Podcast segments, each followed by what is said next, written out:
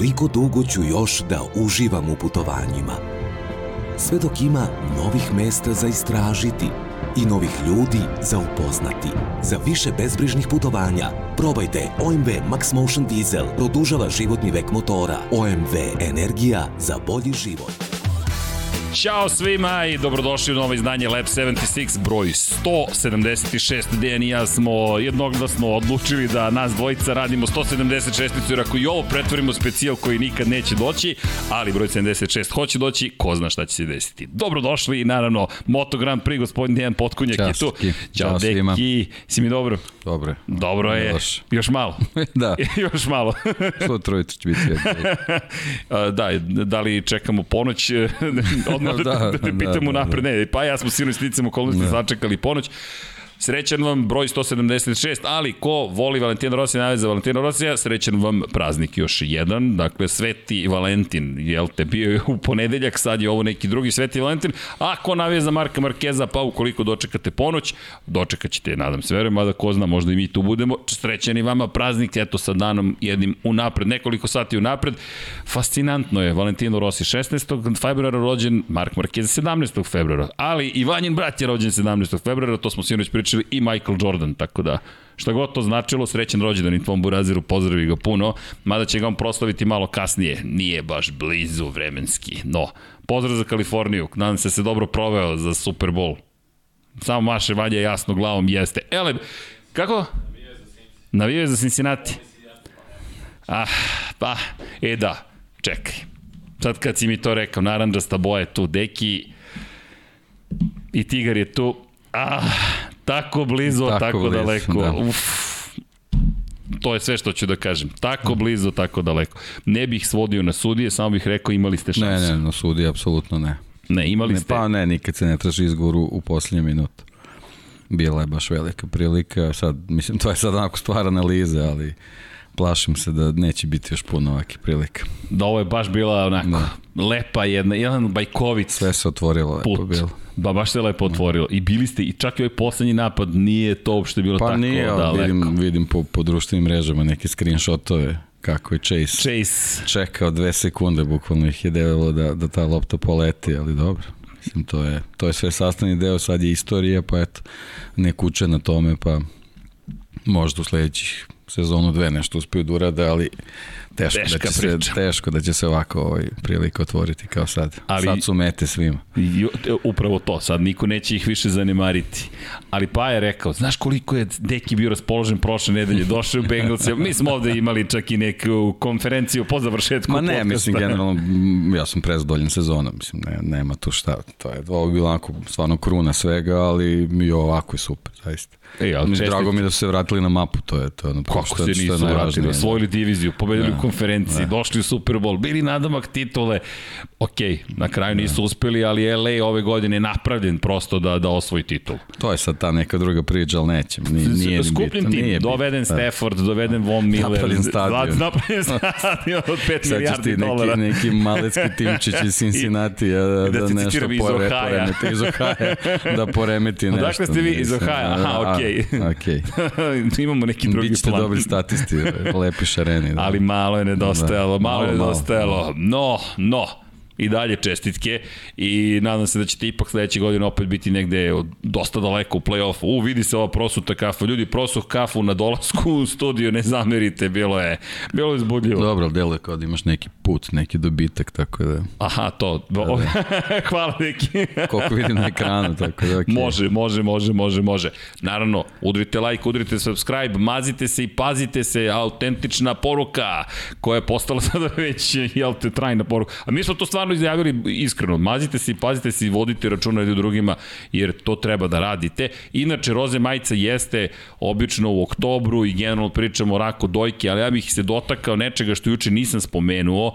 Ako sam ja to dobro shvatio, juče je bio dan borbe protiv raka kod dece. Tako da čisto da skrenem pažnju da neke stvari nas okružuju koje često ne vidimo dok nas ne pogode, pa eto, kogod je u mogućnosti neka pomogne, Klinci su obično najvažniji, mi malo stari manje važni, pa onda oni najstari neću kažem da nisu važni naprotiv, ali odradili su jedan lep život, ja se nadam tako da za decu verujem da se vredi boriti i te kako. Pa eto, ukoliko ste u mogućnosti, gde god da ste, šta god da radite, neka pomoć. Nisu to uvek financije, to je vreme, to je nežnost, to je malo pažnje i možemo svako da učinimo planetu boljom. Neće vanzemaljci doći da nam pomognu da bude bolja, ali u duhu vanzemaljaca svakako volimo da ih pratimo, a ima vanzemaljaca još uvek u Moto Grand Prix, makar ono što smo videli na testiranjima u Mandaliki, u Indoneziji, Deki, kao što smo i pretpostavili, opasna će biti sezona, tri dana na potpuno novoj stazi, posle testova u Sepangu,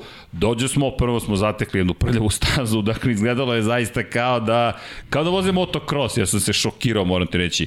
Dirt track nikad nije imao bolji naziv za jednu pistu Moto Grand Prix. Pa znam, ali ovaj, tvoje lice govori. Sto puta smo pričali o tome, mislim, toliko im je već ograničena, toliko su ograničena vremena za testiranje, posebno kad dobiješ te neke nove generacije motocikla, onda dođeš na neku stazu koja je onako stvarno polomaterski spremna, mislim, ne, ne znam šta bih rekao, mislim, jednostavno Moto Grand Prix mora da, kao organizacija mora da poradi na tome i, i, i ako želi sad i neke stazi da, da promoviš, mislim, stvarno mora s organizatorima bolje da popriče, jer ovo, ovo što se tamo desilo, to je stvarno neki detalj koji uz malo dobre volje mogu da se da se eliminiše, zaista nije bilo razloga da, da onako sve izgleda. Da, imaju već dovoljno iskustva, videli smo i Mexico City u prošle godine s Formulom 1, koliko može staza da bude prljava, postoje načini da se očisti, inače dan ranije je bila potpuno čista, međutim, tropske kiše, kako često pogodi Indoneziju, su učinile svoje, ali to ne može da bude izgovor. Ako već znaš da će da je potencijal za padavine Pa ne, ali desila se tropska kiša i kao dobro desila se. Ne, ne, Mislim, ne. to je, onako, stvarno nije, ili ipak pričamo o takmičenju na vrhunskom nivou, znači mora da postoji ne, neki, neki sistemi koji će omogućiti da bar donekle to bude na nekom onako pristojnom nivou posebno kad je reč o testiranjima. Ajde kad dođeš onako trka pa kao možda se dese tako neki nepredviđeni uslovi pa kažeš ok, to, i to je takmičenje, moraš da se prilagodiš toj situaciji, ali ovo ipak stvarno bilo jako važno za ekipe da, da a, a vidjet ćemo i kroz rezultate koliko im je bitno da, da, da dobiju neke dobre parametre pred početak sezone i onda neke stvari moraš da, da precrtaš, neke stvari moraš da ukalkulišeš vezano za tu čitavu situaciju na, na stazi, onda krećete neke dodatne onako glavobolje koje stvarno u ovom trenutku nisu nikome potrebne, jer sezona je tu, mislim, ono, pre, pred vratima je zaista iza ćoška nas čeka, tako da ovaj, to je onako nešto što, što stvarno ne treba organizaciji, nego on, kao što smo i pričali, možda je bolje da na Sepangu jednostavno sve vreme da su bili testovi, imali bi neke dobre parametre i onda bismo i mi znali na čemu smo ovako ponovo nepoznanice. Još misterije. Pa da bom. Ali, pa da bom. ali ono što je bilo pozitivno, naučili su stazu, tako da neće biti iznenađenja kad dođe vreme za trku i još jedna bitna napomena. Staza kažu da je mnogo, prvo, svi su oduševljeni stazom vozači, oduševljeni su i kažu da je fenomenalna, ali takođe da je veoma opasna. Tako da mislim da je dobro što su otišli iz te perspektive. Kada je Mark Marquez, to smo pričali, rekao za sektor broj 2, da je za njega opasan i da je on tu zabrinut kako se prolazi, bilo jasno da se radi o vrlo ozbiljnoj pisti iz perspektive upravo bezbednosti. Staza koja deluje, da, ne znamo još kome će odgovarati, dakle Ducati koji je delovao tako svemoćno nekako u Sepangu i izgledalo je kao da je ovo godina dominacije, pričat ćemo još o Ducatiju, ali nije baš delovo toliko sigurno, naprotiv, imalo, bilo je tu dosta problema, čak i u nekim stvarima, aspektima koji su za njih prilično snažni. Davide Tardoci, menadžer ekipe, fabričke ekipe Ducati je rekao da je slabost bila na kočenju, što je inače njihova jedna od najvećih snaga. Tako da imaju posla u Ducatiju, ali pretpostavljam deki, kada unaprediš nešto što do tada nije bilo toliko dobro, negde ćeš drugde platiti cenu. Sve to stvar kompromisa. Pa to je majstorstvo, mislim, a taj kompromis stvarno mora da bude najmanje mogući. To je ono što, što Ducati očekuje. E sad, sad se na ovom testu jednostavno videlo da, da nije, nisu ipak ni oni svemoćni i da će jednostavno biti, biti situacija tokom sezone gde drugi stvarno mogu da, da ovaj vrebaju priliku i da i da ovaj iskoriste sve slabosti Ducatija, u stvari da naglase svoje prednosti, tako da iz, iz te perspektive ovaj uhrabrujuće ovo što smo videli na Mandaliki ovaj upravo iz tog razloga što neće, nećemo možda imati te karavane Ducatije kao što smo pretpostavljali.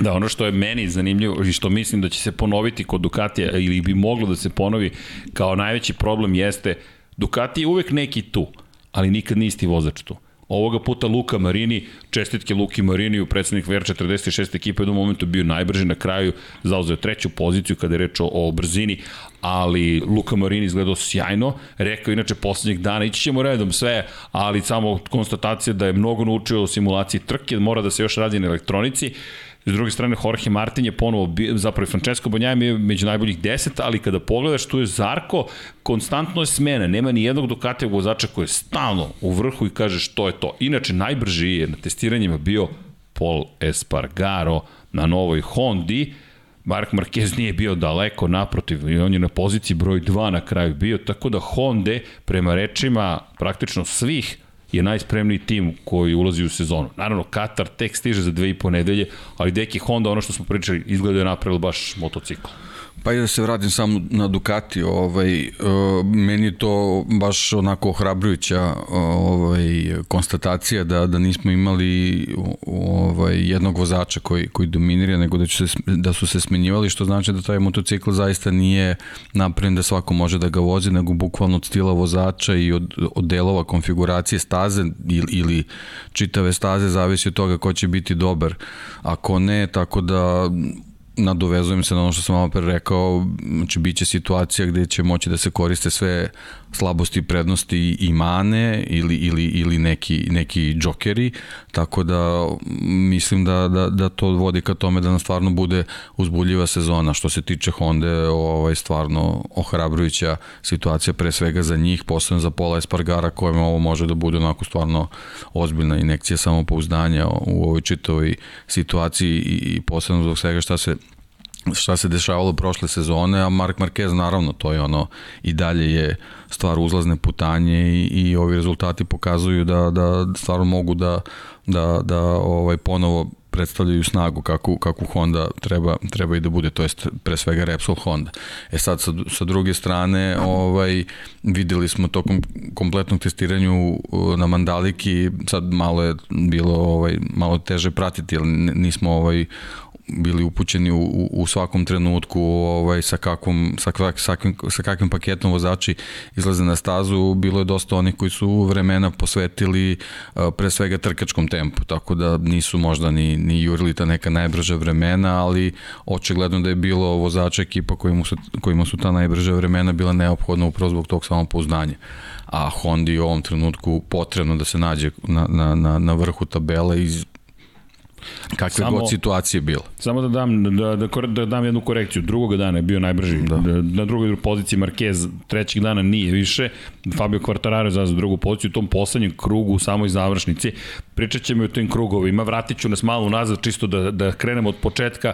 Dakle, tri, trodnevni test je bio u pitanju. Svi su se pojavili tamo. Svi su vozili tokom sva tri dana sa izuzetkom Joana Mira, svetskom šampiona iz 2020. na Suzuki-u Suzuki koji inače imao i dva rama, ali hajde da ne trčim pred rudu, dakle, nije mogao da testira trećeg dana imaju trovanje hranom, nažalost, tako da je propušten jedan veoma važan dan, ali je Suzuki dobro izgledao. No, da se vratimo početku. Dakle, tri dana, završeno tako što je Pole Spargaro na Repsol Honda bio prvi. Fabio Quartararo na fabričkoj Yamahi pozicija broj 2.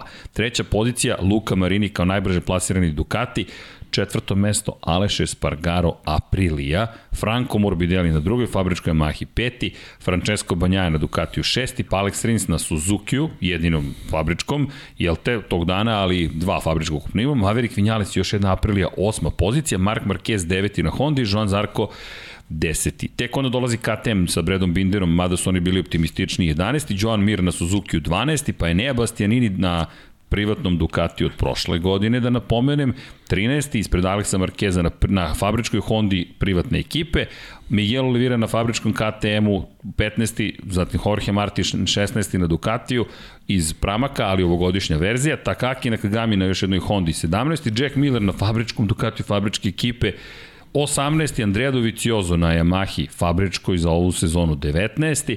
Zatim Marko Beceki, Novajlija na Ducatiju 20. Fabio Di Antonio, Novajlija na Ducatiju 21.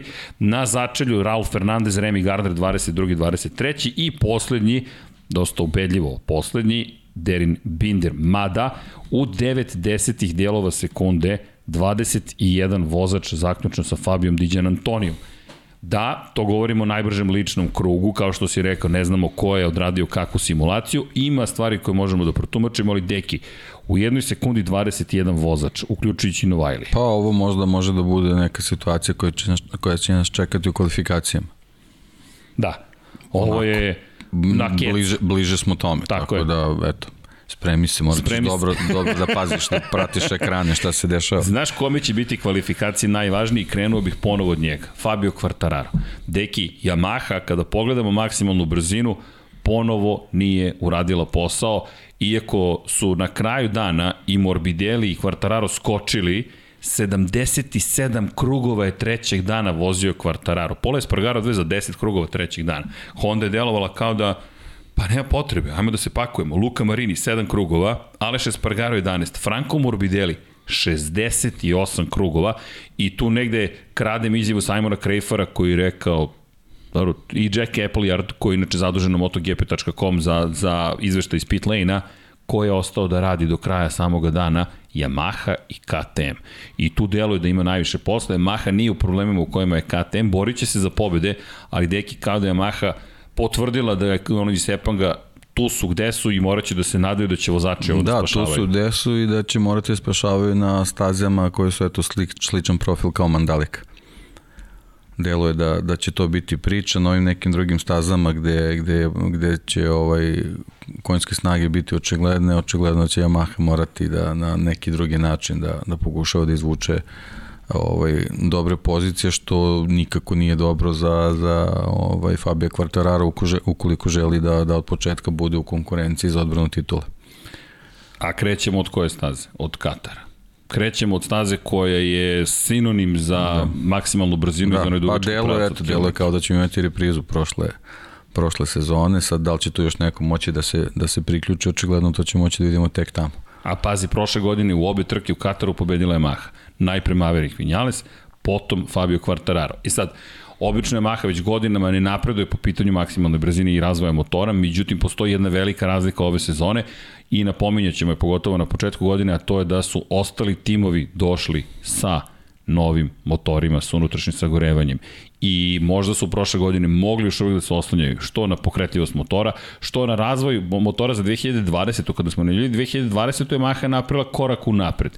Sada deluje da je ostala zakucana na tom mestu, a da su ostali svi, uključujući Suzuki, napravili iskorak. Pa, to je ono očigledno taj neki mač sa dve oštrice u kom smeru odlučiš da razvijaš motocikl i moguće da, da, da su u ovom trenutku oni shvatili da su možda negde, negde skrenuli sa, sa dobrog puta i sad je veliko pitanje koliko će uopšte moći tokom sezone da, da isprave te probleme i, i gde će uopšte postojati uh, džepovi gde, gde mogu da, da, da izvuku neke dodatne benefite koje možda u ovom trenutku nemaju. Ali kažem, mislim, jednostavno ovaj, konfiguracije staze su te koje, koje nam pokazuju gde su možda neki prednosti i, i neke mane, a upravo to što si rekao, znači ti, ta, ti neki scenari od prošle godine možda mogu da se ponove i ove.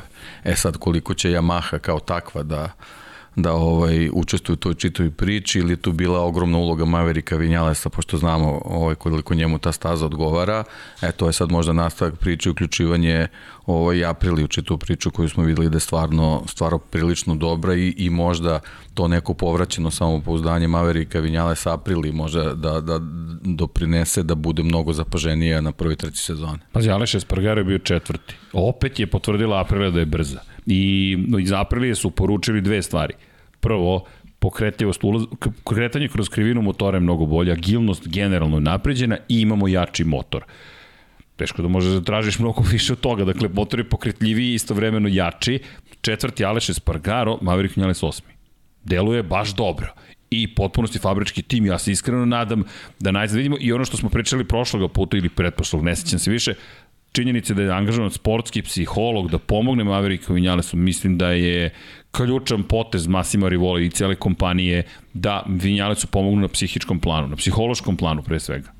Pa definitivno, mislim, ne, ne moramo sto puta smo ponavljali da, što da. se sve dešavalo prošle sezone, koliko, mislim, to bi zaista uzdrmalo bilo koga, a, a kamoli Maverika koji je ono, bukvalno se od početka sezone već, već ovaj, ponašao kao, kao, kao neko ko je potpuno izgubljen u čitovi priči da ne, ne zna u stvari koje, koje sledeće korake treba da pravi, onda znamo da je, da je pravio i, i, i neke koji su onako prilično pogrešni bili, ovaj, tako da svaki taj uspešan kilometar na, na, na, na stazi sa aprilom njemu pretpostavljam zaista mnogo znači, još ako je, ako je u tom nekom programu gde, gde se neko zaista bavi iz trenutka u tre, trenut, trenutaka ovaj, njegovim, o, njegovom motivacijom i, i, i, i kompletnom koncentracijom, ovaj, verujem da ćemo to već moći da, da, da sagledamo u Kataru koliko je, ovaj, koliko je urodilo plodom. Ali kažem, mislim, eto idemo na stazu koja njemu odgovara, ako ispod njega motocikl koji, koji može da bude dobar, a ovaj, ono na što trebamo da se oslonimo, to, to je pre svega Alešov rezultat iz Silverstone prošle, prošle godine. Ovaj, znači, Plasma na pobedničko postolje. Znači, na stazama koje su ovaj, tako te neke, neke slične konfiguracije gde, gde ta neka agilnost i, i, i generalno sama pokretljivost motocikla može da, da igra veliku ulogu. Uh, eto nama zabave u Kataru što se tiče Aprilija. Vidi, ja, bi, ja iskreno bih volao da se to zaista desi, jer Aprilija nema pobedu, taj jedan novi moment gde, koji je KTM napravio, ostvario je već više triumfa, uveo bi nas u novu eru, zaista, onda svih šest proizvođača može da zabeleži pobedu. Pa no, ja generalno navijam za to da se, da se pojave tako neki, neki novi ne mogu da kažem favoriti, ali eto neki novi konkurenti za, za osvajanje podijuma. Znači ne, ne nužno ovaj, po, ovaj, najviše, najviše stepenica pobedničkog postolja, postolja što se mene tiče Aprilija sa nekom konstantnom pretnjom da će se naći na, na podijumu meni onako sasvim zadovoljavajuće za ovaj trenutak. Pa ćemo vidjeti kad krene sezona da li su možda sposobni za nešto više. Dobro, deluje da, deluje da su uradili domaći zadatak. Ok, čekamo prvu pa, trku. Ozbiljna kompanija tu, ozbiljno ulaganje, videli smo, kažem, od, od početka testiranja, kad smo videli ovaj, koje su sve kompanije se pojavile kao da, da. sponzori da. Aprili, a onda na, na samoj promociji vidimo koliko je Aprili bitno da, da, da Aprilija i, i Piaggio grupa bude u prvom planu kao neko ko stoji za čitavog projekta, jasno je ovaj, da je to stvarno veliko ulaganje i da, da, ovaj, da je ozbiljan projekat ovaj, u, u čitavoj priči, tako da mislim, ono, Deki. Oni znaju kako, kako to da, da najbolje ovaj, prebace na asfalt, e sad koliko će biti uspešni ne zavisi samo od njih, nego i od drugih. Naravno. A to je lepo rekao Miguel Oliveira, pa, izmeni, da. u KTM-u. Hej, ljudi, mi imamo bolji motocikl ove godine ali ne znamo koliko su ostali bolji. To je, to je, Znaš, to je, sve relativno. To je ta lepota. to je ta lepota. Da. Inače, inače, da samo pohvalim jednu bitnu stvar, OMV nam se vratio, tako da deki, to je zahvaljujući vama, hvala vam na podršci, hvala i ekipi iz njihove agencije i OMV-u za podršku, bili su zadovoljni ljudi sa radnjom, ali da citiram Paju Cinović, gde točimo, točimo to, gorivo za automobil točimo na OMV-u. Tako da, eto, imamo podršku kroz ceo februar, vidjet ćemo iz u buduće šta će, kako će biti, ali to su lepe stvari kada pričaš o aprili, o sponsorima, ko se sve uključio, pa evo, OMV su ponovo uključuje. Naravno, kada spomenemo OMV, sinu smo spomenuli ponovo Miloša, tako da Miloš ne može da ne bude spomenut, tako da, eto, još jedna, jedan le, lepa veza i naravno, kada bude prilika, da se ne ponavljamo po hiljati put, bit će, nadam se, počastvovani prosto da ugostimo Miloš i pričamo. Da, mi smo ovaj, na vezi smo stalno, on se vratio pre neki dan iz Livinja, ovaj, tamo je bila ona čuvena već već tradicionalna Lamborghini Akademija na ledu, onako bilo je, bilo je prilično zabavno. Za, pa zabavno, to je pre svega osmišljeno kao onako lep marketinški promocijni program za, za pa dobro, Lamborghini, ali, ali naravno zabavno je voziti te automobile po, po snegu i ledu, sledimo put Abu Dhabi, Dubai, tako da eto, ima, ima dosta posla, Naravno. Imam ideju. Reci. Sledeće godine da uradiš specijal od Ande. Pa, ako on ne može dođe ovde, onda mi moramo tamo. ja mislim, pa pazi. Definitivno, Makar, da. pa vidi, ako da. ne možemo svi, makar da ideš kao predstavnik da. ekipe, ja mislim da bi bilo u redu, da prosto preneseš utisak kako je to Lamborghini. Kako to izgleda. Da, da, da na snegu, ledu i tako da. dalje i tako dalje. Ja ne znam da li ti se dopada. Pa, iz Čile, ali ne, pazi, idemo iz Čile, buneo, iz da, Čile idemo tamo, bunio, jer da, smo rekli da, da se seli uh, studio u Čile u, Čile, u februaru, da, da, kraj januara, početak, to još moj brat ne zna, ali dobro, obavestit ćemo ga nakradno. Elem, da se vratimo mi na stazu Mandalika, na koju ćemo se vratiti 20. marta.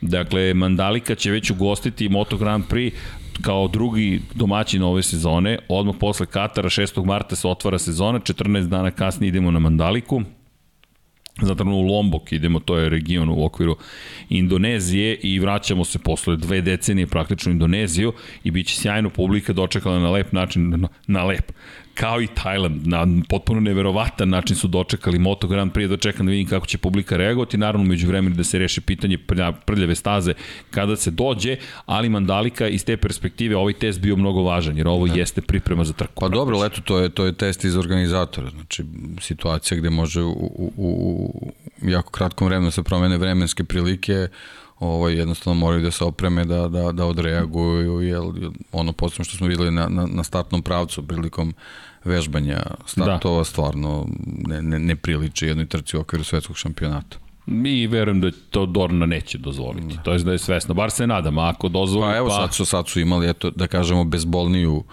bezbolniji primer šta sve može se desiti. Tako da, a verujem da sad ne znam kako stoje sa, sa onim njihovim sezonama, tamo monsuna i tako dalje i tako dalje, ali pošto je jako blizu, postoji verovatno neka, neka verovatnoća da može to ponovo se desi, ali evo sad su, sad su dobili primer kako preko noći mogu da se promene prilike i kako moraju brzo da reaguju. Evo ovako, od novembra do marta, dakle, suva sezona od aprila do oktobra, a sezona monsuna od novembra do marta. Krajem marta dolazimo, tako da postoji... To je, znači da, neka, neka ivica, da. Ok, postoji mogućnost, držimo palče, će ipak biti malo drugačije. Kada kaže, ali slušaj ovo, koji je najvlažniji mesec u Indoneziji? Čik pogodi koji. Google kaže Mart. Tako da držite palčeve.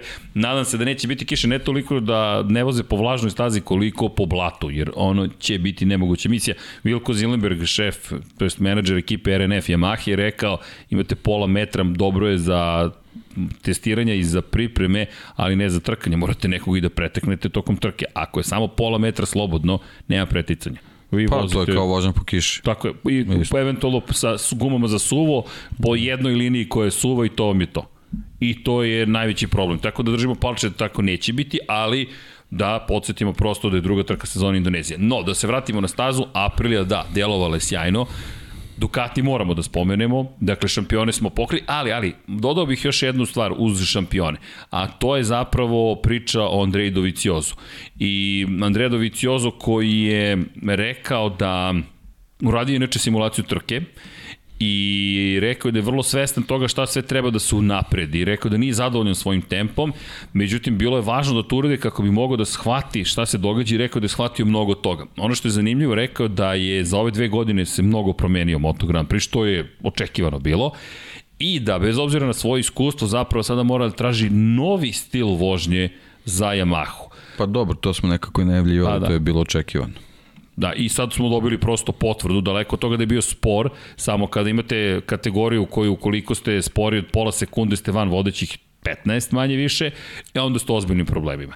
I rekao pa, očigledno... to će biti izgledno, izvini, to će ne, biti naravno, situacija naravno. s kojom se i Valentino uh, susreo prošle sezone ono, ono što je pozitivno, tako je, da gde ima probleme i sama ekipa koja nema dovoljno iskustva, kao što si pričao, jednostavno ovaj tim stekao je neko iskustvo, ali otišao Johan Stigefel, otišao u VR46 ekipu da tamo bude jedan od glavnih ljudi.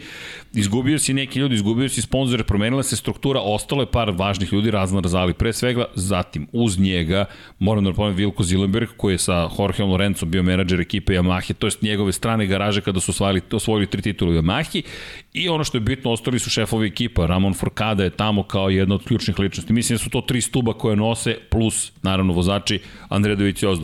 I ono što je rekao da su probali nove oplate, da su pokušali neke nove stvari da urade, ono što mu je najvažnije ima direktno poređenje sa Kvartararom i prošli put je u, u Maleziji izjavio da je Quartararo jedini koji može da upotrebi M jedinicu na pravi način. Sada je rekao, sada imam i poređenje kada je reč o samim rezultatima. Unapredio je svoj stil u zoni kočenja, čisto da napomenem, jer to je treća fabrička Yamaha, da je negde ne ispustimo iz vida. Inače, Franco Morbidelli je testirao i drugačiju prednju viljušku, tako da Yamaha je dosta delova donela kao što se očekivalo, međutim, tu ne leže izgleda njeni problemi, izgleda su najći problemi upravo iz perspektive motora, da se ne vraćam na to, međutim, eto, čekamo da vidimo je Doviciozo šta može da učini iz te perspektive. Pa da, evo, baš, baš to što si naveo, to je taj, taj možda jedan od problema vezanog za, za taj ograničeni broj broj testiranja, jer ti sad imaš situaciju da ti stižu motocikli sa novim agregatima koje trebaš da, da uklopiš sa svim ostalim tehničkim elementima, a onda sa druge strane imaš jednu grupu vozača koji, koji prvi put sedaju na, na, na određene mašine ili prvi put na Moto Grand Prix mašinu i onda u trenutku kad kad se e, kompletno vreme koristi za, za ovaj unepređivanje motocikala i do, njihovo dovođenje na, na maksimalnu spremu, ti imaš vozače koji, koji sami nisu na, na maksimalnom nivou, pošto svoje stilove vožnje do, do tadašnje moraju da prilagode novoj situaciji. Onda, onda se tu dođe do, do te kolizije koje može i za nas da, da bude zbunjujuće i nejasno da ti u principu ta vremena ne sve očigledno. Jel, jel vidimo recimo ovaj, Doviciozo je u nekom, nekom trkačkom tempu nije pretarano mnogo zaostaje za kvartararom, ali, ali najbrža vremena su, su drastično, drastično različite, tako da ovaj, ako je on, na primjer, posvetio jedan dan pronalaženju ovaj, idealnog, e, idealne konfiguracije za kočenje i, i unapredio svoje kočenje, on jednostavno ima vremena za prilagođavanje ostalim elementima, niti za, za dovoljan, do, dovoljan fokus na neke tehničke stvari vezane za motocikl koji bi mogao da, da prenese uh, inženjerima. Tako da uh, ekipe koji su u toj situaciji da imaju, da imaju dvostruko prilagođavanje stvarno mogu da da, jednostavno osete hendikep i to je on, ono, onaj, onaj deo, detalj u stvari vraćanje na priču zašto je bitno da imaš mnogo agregata na gridu ili jednostavno ti u određenom trenutku možda jednom vozaču možeš da posvetiš uh, čitavu pažnju da, da, da on taj dan uh, jednostavno odvoji za, za ovaj, same pripreme motocikle i kao što smo videli Zarko je u jednom trenutku skoro 100 krugova vozio, tako da mm, tu je apsolutno jasno uh, čemu je služio tog dana. Kada pričaš o upravo tome i prilagođavanju, i šta je sve morao da uradi Andrej Dovicioza, rekao je, čujte, da li imaju motocikl jednostavniji za vožnju? Da li je to važno? Možda i jeste, ali ako ste vi spori, to, to nije toliko bitno. Pre par godina Mahini vozači su bili mnogo brži, sada je možda situacija drugačija, možda je pogodio malo i pogrešan trutak, ali, ali, nije samo do toga, rekao je, znate kako, iako je lakši motor, ali vi morate da pređete granicu da biste bili brži, pa onda je teži za vožnju zapravo. Na kraju dana da biste bili brzi je teži za vožnju. Za sporu vožnju, pa, nije toliko zahtevan motocikl kao Ducati, ali Chris Pike, inače, topla preporuka, zapratite ga, sebe potpisuje kao motorcycle racing person čovek koji sjajne analize obavlja. Ako pogledate prosečna vremena po krugovima, broj 1 je i dalje bio Fabio Quartararo. Iako je rekao da na srednje tvrdim gumama, zadnja srednje tvrda guma bila paklena, hteo da izađe na mekoj gumi ponovo na stazu i rekla mu ekipa ne, dovoljno je. Dovoljno je. 77 krugova već su bili zabrinuti na nivou toga da sad se pre, sad preteruje i meni je fascinantno, deki, kada pogledaš prosečna vremena, Fabio Quartararo je prvi, što samo govori njemu kakav je vozač i, i, i da je pravi svetski šampion, naravno da svi su pravi, ali ovo je baš šampionska bila vožnja. Pozicija broj 2 po prosečnim vremenima, Pole Spargaro Honda, Mark Marquez Honda, Takaki Nakagami Honda, Alex Rins Suzuki, a Enea Bastianini Ducati. Čisto da do, doći ćemo do Enea, ali samo kratak uvod kasnije za Eneu mogu da radim šta hoću sa GP-om 21, spreman sam za Katar. da, nedvosmisleno. ne, ne, ali u njegovom stilu. Čovjek je ovaj. zvezda već sada. Da, drago mi je, drago mi je što on tako samouveren pre svega, ali ja siguran sam da ne bi, ne bi tako nešto izjavljivao da to da zaista nema čak nije... i prostora još. Da, da, ajde da se ogradimo, da ne kažemo da je potpuna istina, ali da kažemo da je jako blizu istine, sigurno to ne bi izašlo iz njegovih usta. Prosečna vremena najbolja, ukupno Enea Bastianini, maksimalna. E sad, gde dolaze problemi za Ema Yamahu. Zašto ovo ističem? I Krisa Pajka, zapratite ga topla preporuka, bacit ćemo i u chat, čisto da iskoristite priliku, to su neki divni ljudi koji vole Moto Grand Prix i prate ga. Ellen Chris Pike, kada je sve pogledao, ovo su drugi i treći dan, prvi smo izostavili, po njih izostavili iz analize, potpuno nepotreban.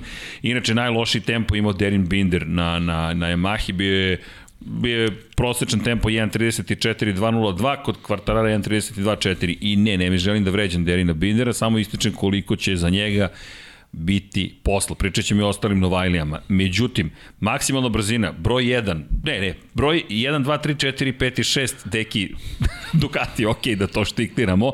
Na sedmoj poziciji je bio Suzuki Joana Mira, to je zanimljivo, i potom Marko Beceki na još jednu Ducatiju i jedino Fabio Di Antonio je tamo negde dole kao 8. 14. bio na, kada je reč o maksimalnoj brzini. Elem, Prvi, Ducati Enea Bastianini, 310,8 km. Međutim, na začelju, od najsporijih pet motocikala, četiri Yamahe i jedan KTM. 20. pozicija Fabio Quartararo, 303 km na čas i ovde pričamo o prosečnim maksimalnim brzinama. Prosečno je gubio 7,8 km na čas na pravcu.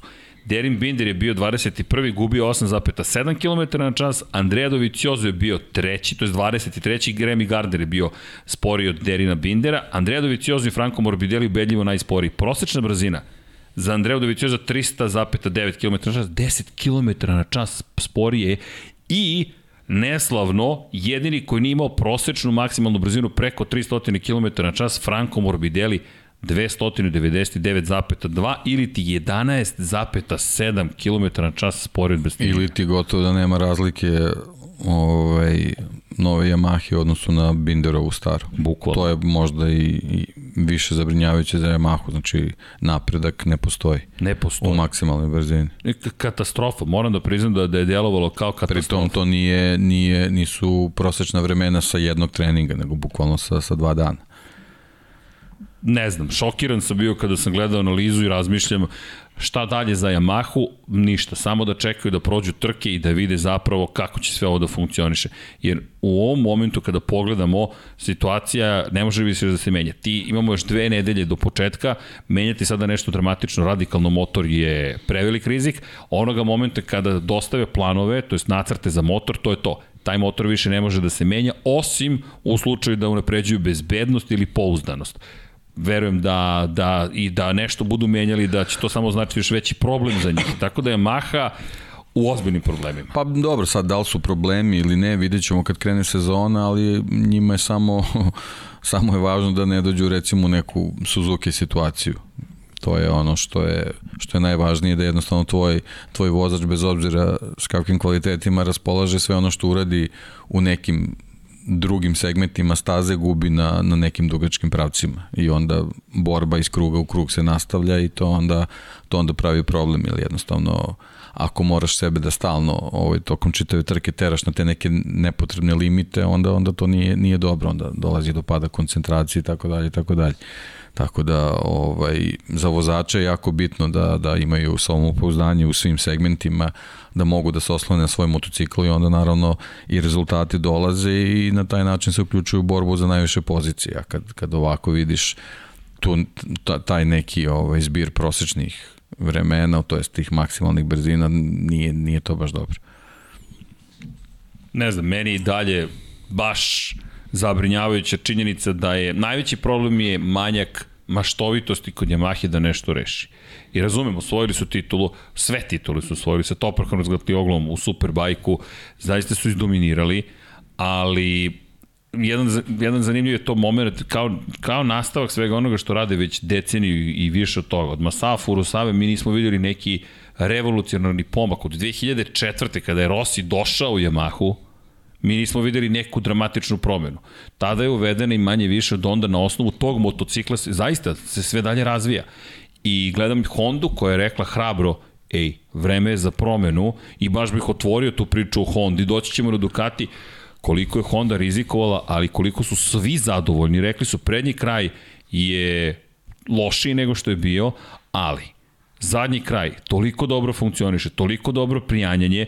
Pole Spargaro je rekao da nikada nije spremniji bio u svom životu u ovoj fazi. To je bilo direktno pitanje. Da li si ikada bio spremniji u, u ovoj fazi pripreme za sezonu? Ne. Rekao nikada nisam bio ovoliko brz, nikada nisam ovoliko pouzdan. Ono što je bilo lepo čuti, rekao, ali ne bih previše bio optimist, ne, ne optimističan, nemojte previše da tumačite ova vremena. Ovo je samo jedan, jedno testiranje. Slažem se s tim, apsolutno. Da sačekamo mi trku, da motocikl je mnogo bolji, pogotovo na izlascima iz krivina. Simon Krejfar je primetio da je mnogo siguran u sebe na izlasku iz krivine. Na, na otvaranju gasa, na vraćanju motora u, u uspravan prosto je, da reći, oblik, zapravo položaj, i način na koji vozi na izlasku krivina deluje da je Pole Spargaro našao ono što je želeo i čak da su poslušali u Hondi ono što su bili zahtevi manje više svih vozača, uključujući Marka Markeza koji jedini znao kako da prevaziđe probleme koje imala ta Honda. I deki kada pogledaš Takakija na Gamija, pa čak i Alex Marquez imao jedan dobar izlazak na stazu, Honda izgleda, izgleda kao da je uradila najbolji mogući posao, čak svo oduševljenje Ducatijem nekako je splasnulo posle ove mandalike, jer su Honda toliko iskočile ponovo.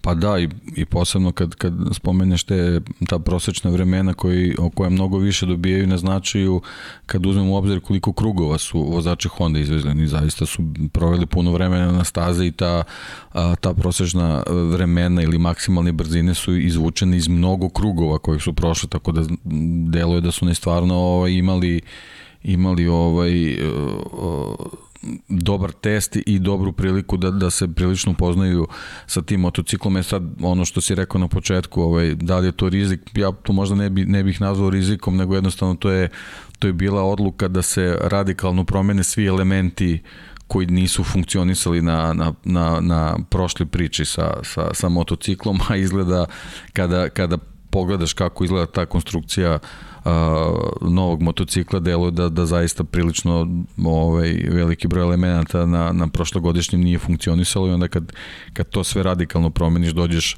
do jedne kombinacije koja može da se, da se nazove rizično. Sad tu u, u toj čitavoj idili e, malo, malo priču kvari ta, ta rečenica izvučena iz izjave Marka Markeza koji je jednom trenutku rekao da, da se ne osjeća baš sasvim, sasvim sigurno na tom motociklu i da deluje da to uh, a, da to nije ovaj ono što je uradio da to nije maksimum koji koji bi on mogao i i koji bi taj motocikl mogao i da je tu možda ono što si ti najavljivo ran, ranije ovaj potrebno dosta vremena ajde ne dosta, da kažemo, potrebno je vremena da, da Marquez svoj stil vožnje prilagodi tom motociklu da bi mogao da bude siguran da iz njega izvukao maksimum i da onda u stvari tek ako dođemo u tu situaciju ovaj, vidimo kakvi su potencijali tog, tog motocikla, opet sa druge strane ovaj, možda, možda su i ta vremena Pola Espargara koji, koji, koji pokazuju da su oni svi prilično izjednačeni možda na najboljem putu da, da nam pokažu da je taj u stvari motocikl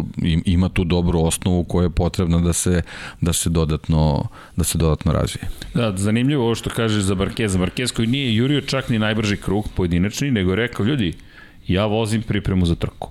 I to ono čime Kao i Bastianin. Kao i kao, kao i Beštija. tu su negde, ne, da. Beštija, ne, ne, kad dođemo do Ducati, jedno čekam, prvo ti kažem, Beštija mi svaki put izvemi osmeh na lice, zaista mislim da je on autentična zvezda, on ne glumi da je zvezda, on je takav, prosto šarmantan, bez kompromisa na stazi i brz. I to je ono što mene zaista oduželja kod njega. Elem, što se tiče Markeza, naravno su oči uprte od njega, on je sada najuspešniji vozač na stazi, osam titula šampiona sveta, juri tu devetu, juri je i zato što, naravno, svi jure titulu, ali povećavaš svoje brojke, međutim, to bi ga izjednačilo sa Valentino Rosijom, što je velika stvar. Kao što nije došao, došao na Rosija u poslednju trku, kao što ga Rossi jedva spomenju izjavama, znamo da ne, da ne postoji ljubav, nego animozitet se vrlo otvoreno vratio, pre čemu deli ih jedan dan kada su u pitanju njihovi rođendani i sve to meni simpatično. Danas čitam neke poruke u grupi u kojoj je jedan momak za Rosijevac, jedan je Markezovac i piše Rosijevac čestitam ti praznik i odgovor je sutra tebi, ja čestitam praznik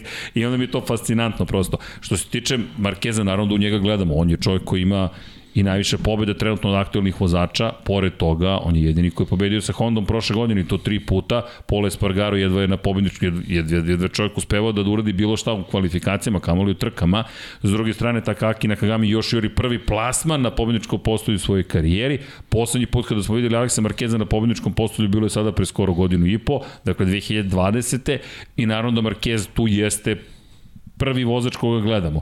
E sad, da li je sve ovo Honda dovoljno radila, da li Ducati će i dalje na prvoj trci sezone, pošto mu Katar generalno leži biti stari dobri ili novi još bolji Ducati, vidjet ćemo, ali Honda Honda deluje vrlo ozbiljno. Daleko od toga da, da da će sada počistiti šampionat, ali deluje da su radili jedan vrlo ozbiljan posao. Sad šta će biti, ne znam. Pa da, ali nekako ovako kad krenemo sa pričom ovo izgleda da, su, da, je, da ima tu mnogo sad svih koji su radili ovaj, mnogo dobar posao, da. ali ne mogu, ne mogu to svi da urade. Tako da, da mislim da, da ovaj, prva prilika, kako bih to nazvao, kad izađu na stazu, a da više a, ne mogu da sakrivaju bilo šta od, od, od svojih aduta, tu ćemo u stvari tek videti pravo stanje stvari. Ovo, ovo sve svojim testiranjima nekako ti deluje sa svim tim uh, testiranjima aeropaketa, pa, pa ne znam, izlascima sa praznim rezervoarom, sa punim rezervoarom, pa neko simulira trku, neko juri najbolje, najbolje vreme. Sve mi deluje nekako da su u, u, u različitim periodima gađali da, da ne rade iste stvari sa drugima, upravo iz tog razloga da niko ne bi mogu ništa da poredi. Tako da mislim da je tu bilo nekih igara, tako da, da bez, bez tog izlaska na stazu gde svi moraju maksimalno da, da krenu do tog trenutka, bukvalno nećemo moći da ni da pretpostavimo pretpostavimo kakav će poredak da bude i to je ono što, što će možda i da krasi ovu, ovu sezonu zbog čega će da bude tako dobro, čini mi se prvi trening velike nagrade Katara, dakle otkriva prve tajne. Pazi, nema više štednje, to znamo odavno u Moto Grand Prix od prvog treninga kreće pun gas. Zapravo ti govoriš, ako te ja dobro razumem, sačekajte petak i prvi trening pa, pa ćemo da, da krenemo nije, lagano. Nije, on, nismo otkrili toplu vodu, ali jednostavno nam deluje tako. Što zbog evo, ove situacije sa Mandalikom, što zbog situacije sa stazom. Pa eto, ne znam, onda imaš Joan Mir jedan dan propusti testiranje, ajde, doćemo do Suzuki-a, ne izađe na stazu. Pa ne znam, imao si na Sepangu vidiš bukvalno kako se motocikl pojavi na stazi, prvo je donji oklop crn, pa onda gore crno, pa, pa je jedan auspuh, pa je, pa je drugi izdobni e da, sistem. Pa, novi pa da, auspuh, onda nisu sad, ga ni koristili a, na kraju. Ta, ta vremena ti na kraju uđu, uđu neki, neki prosek, a pitanje je koliko je stvari to uopšte na, i na kom limitu bilo. Tako da i, i ti proseci mogu da za, zavaraju, osim kod vozača stvarno, eto recimo Taka je, uh, mislim da je trećeg dana 90 i nešto krugova vozio. To je, to je stvarno relevantno vreme ako se on nalazi u samom vrhu sa, sa tim svojim rezultatima, tako da tu, tu nije bilo mnogo kalkulisanja. Takaki na Kagami 88 krugova. Pazi, to je mnogo. Ne, mislim da je najbolje vreme u 88. 91. Čini mi se da je 91. Sad ću baš da pogledam. Mislim da je poslednjih dana... Pazi, 88 uh, piše na ovom izveštaju. Čekaj samo, samo sekund. 63, Evo, drugog dana 51. Final. Evo, ako samo da vidim, mislim da je poslednji dan, tu sam se baš onako, kad sam to video, o, Mandalika test, nedelja, samo sekund.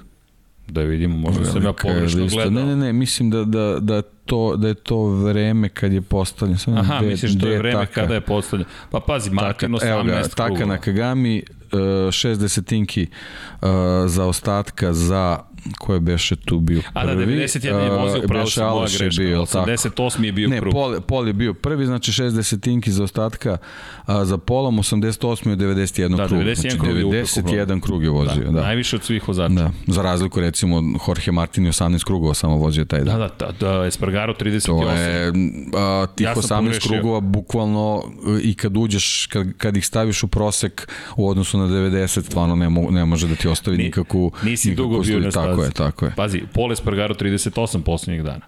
To je malo da, krugova, to je malo to je krugova, trećina da, da, da. Tako da, da taj najbrži krug u, u, u takvoj konstelaciji stvari ne mora nešto specijalno da znači. Dok sa druge strane Quartararo je uh, ovaj, zaostavio samo, samo stotinku ovaj, na 79 krugova kojih vozio, pritom je u 77. krugu pravio svoje najbolje vreme. Kažem to je, ti, ostali su to je duplo, duplo više.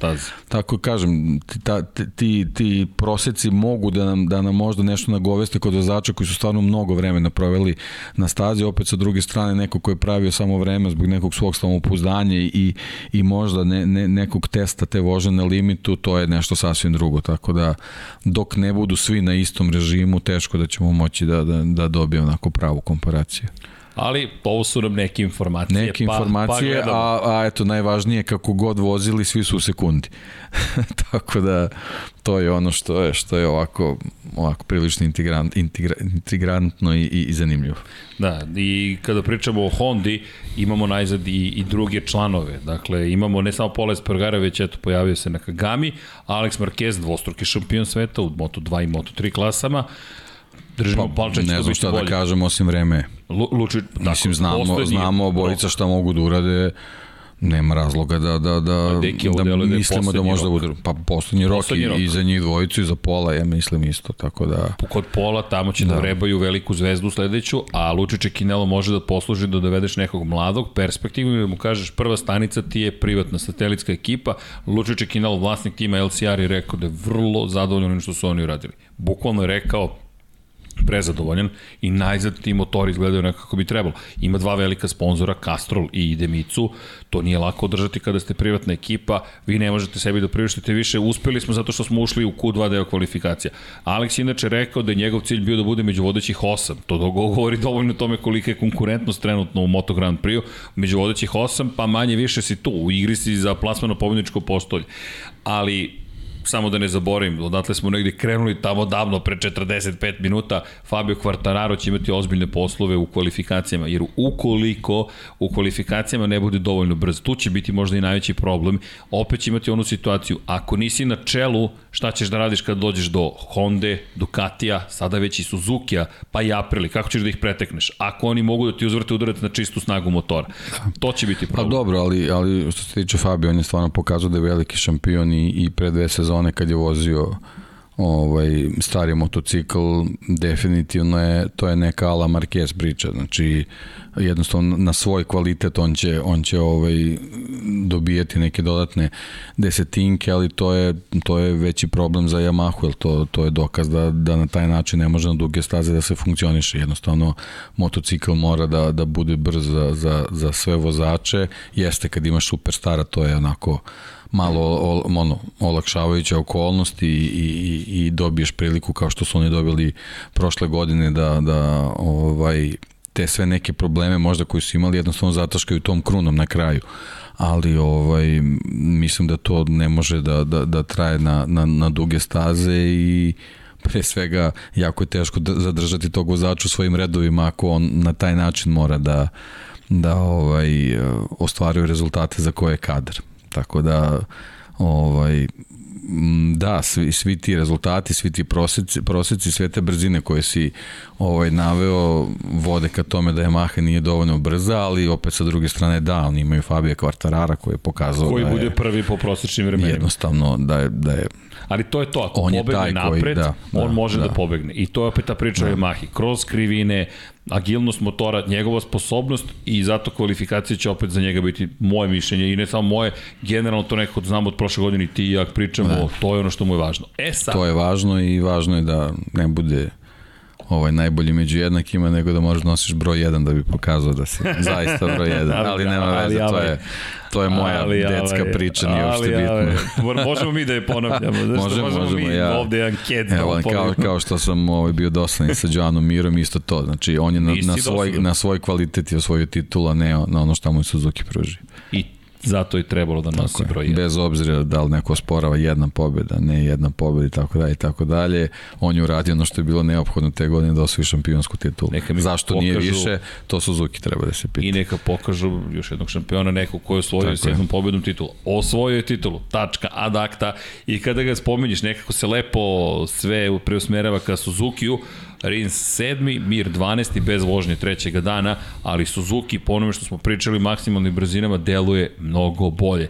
I kažem ti, znam da ti si mnogo racionalniji po tom pitanju, ali meni onaj motocikl kada se pojavio rekao, ok, ovo izgleda moćno, kada su zaista radili nešto, Delo je da su uradili, prosečni krugovi su dobri, maksimalne brzine su dobre, sve ukazuje na to da Suzuki je uradio dovoljno dobar posao, ne mogu da kažem kao Honda, kao KTM da je od ne znam koliko dela stvorio ili da je u novca uložio, ni nemaju te resurse, ali dve različite, dva različita rame je testirao Alex Rins poslednjih dana i deluje da su našli motor koji im odgovara, GSX RR deluje iz te perspektive odlično i ako pogledamo ponovo, Mir je bio deveti po pitanju prosečnih krugova, kada govorimo o Aleksu Rinsu, Alex Rins peta pozicija, maksimalne brzine, Mir je bio sedmi, prvi posle Ducatija, Ducati je ipak anomalija, Alex Rins je bio deseti. I ono što je bila njihova najveća slabost, loše rezultate u kvalifikacijama. Ovo negde obećava da bismo mogli da imamo malo drugačiju situaciju za Suzuki. Rins je, kažem, bio sedmi, 12. mir, ali bez vožnje trećeg dana po pitanju najbržeg kruga kao da su opet ista priča i oni napredovali. Naravno će biti teško, bit će gotovo nemoguća misija, ali zar to nije lepota Moto Grand Prix, zato je dočekamo da sve počne pa da vidimo i Rins koliko će biti psihički jak, ali možda je ovo šansa da Suzuki zadrži mira. Mislim da je to najveć, najvažnije što Suzuki mora da uradi ove godine, da napravi dovoljno dobar motocikl, apropo ovoga što si rekao da kaže da Mir kaže ja ću ovde ostati. Jer Rins koliko god da je možda na sirov talent ponekad brži ili izgleda spektakularnije, nije na nivou Joana Mira. Nije ni blizu tog nivoa, niti je konstantan, niti je toliko brz. Ima više pobjeda, ali to je to. Bukvalno, Rins nije još uvijek pokazao šampionski kalibar. Pa nije i ajde sad ti si onako možda i optimističniji od njih.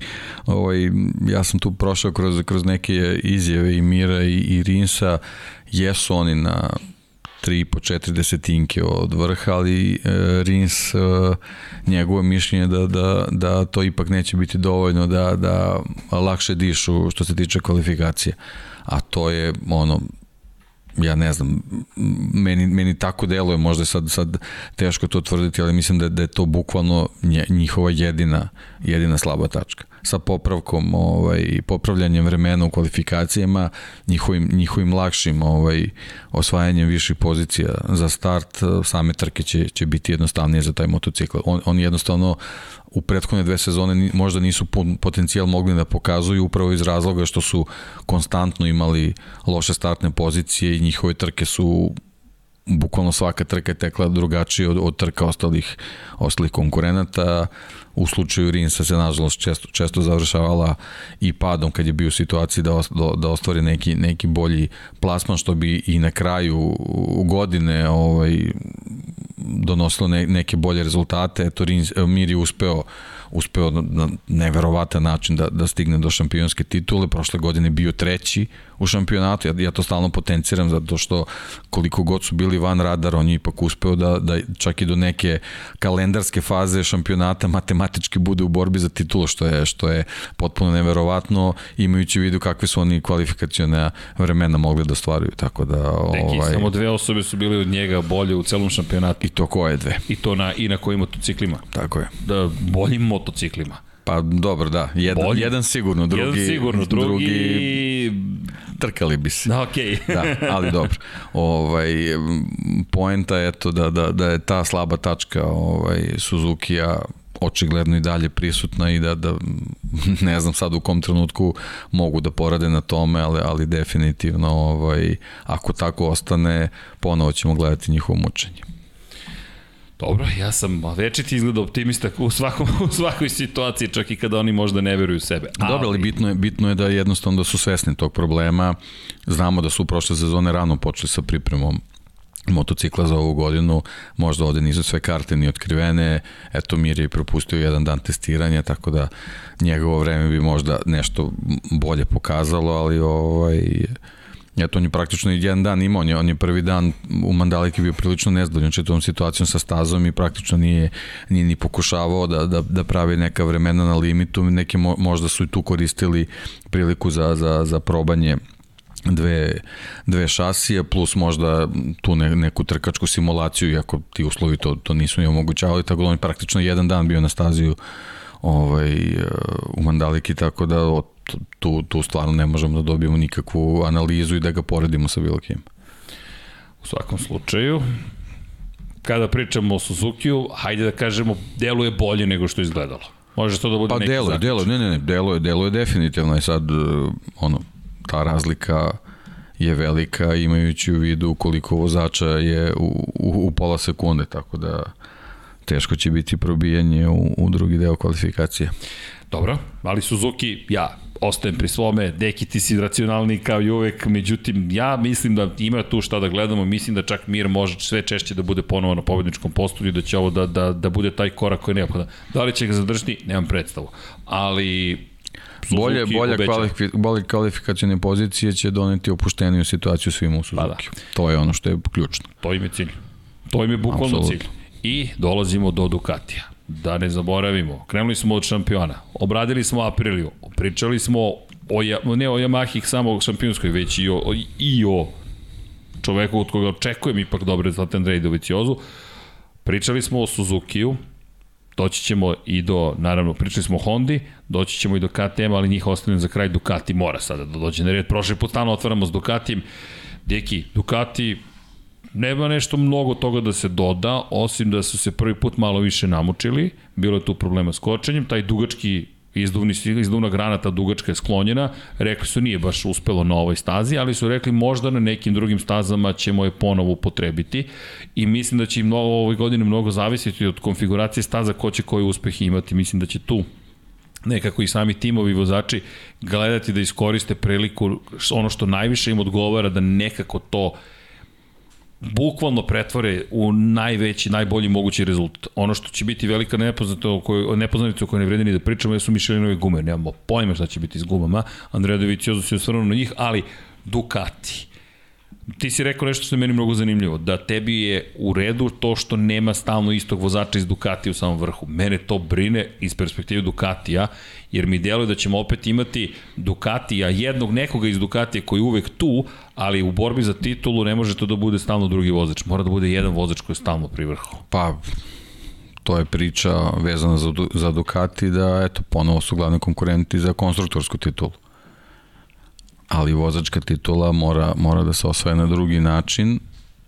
E sad, ovaj, da li je da li je Banjaja taj koji je uh, napredovao najviše od svih i koji će uh, na više uh, staza biti u konkurenciji za, za najviši plasman, deluje da da, a je sad, da li, da li to zaista može da bude tako, a uh, to pre svega mnogo zavisi od toga da li će drugi vozači iz Duk, koji će biti na Ducatijima biti u situaciji da ga ugrožavaju na stazama gde će on biti konforan sa Ducatijima. To je u stvari najveći problem. Da, će, da li će on biti u mogućnosti da, da na stazama gde može da bude najbolji posebno vezano za Ducati, da iskoristi potencijal Ducatija, to biti u prilici ovaj, u odnosu na druge vozače Ducatija. Tako da to iz više, iz više uglova se gleda ta, taj njihov, da, da stavimo pod navodnicima, problem. Ovaj, i, I ova vremena pokazuju jednostavno da, da ponovo imamo situaciju gde možda niko od njih neće odskakati. Sjetiš se samo početak prošle godine, prič, pričali smo do, do, do četvrte treke sezone smo o Pramaku pričali. O Zarku. Fabričke, fabričke ekipe nismo spomenjali osim Millera u, u njegovim duelima sa Mirom i kasnije sa operacijom. Pazi, Jacka Millera ni posle ovih testiranja, ni... ja ne vidim šta da, bismo da. spomenuli, da. osim što je rekao, ne da. smemo da opet priča istu priču. Mi moramo da, da budemo skoncentrisani. Jeste, da i onda dođe trenutak kad treba da, da simulira trku i on padne tipa u desetom krugu i upropasti simulaciju trke. Tako, tako ne, ne razmišlja vozač fabričke ekipe. na Jacka Millera? Pa da, ali to je, to je Jack godine. Miller i, i to je okej, okay, ali jednostavno a, takva situacija mora da se promeni. Inače, izvini, priča se da će Ducati radi na tome da produži ugovor sa Franceskom Banjajem već sada. Dakle, da oni što se njih tiče imaju svoju zvezdu budućnosti. To je okej, okay, potpuno, da. I da. mislim da to Zato što mislim da je to dobra, dobra dobar i potez pre svega zbog te neke psihičke stabilnosti Francesca, ali to je ono možda, možda još ta jedna kockica koja njemu nedostaje, gde on ne, ne sviđaju mi se njegov izvij u smislu ne, ja nisam glavni konkurent za titulu.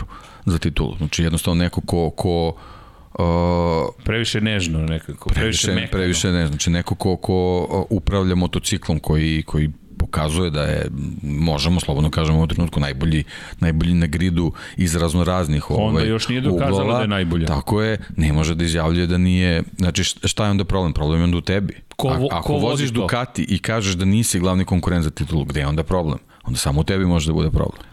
Apsolutno se slažem. Šta će, šta će Ducati uraditi po tom pitanju? Pa potpisat ćete zato što misle da si ti konkurent za titulu.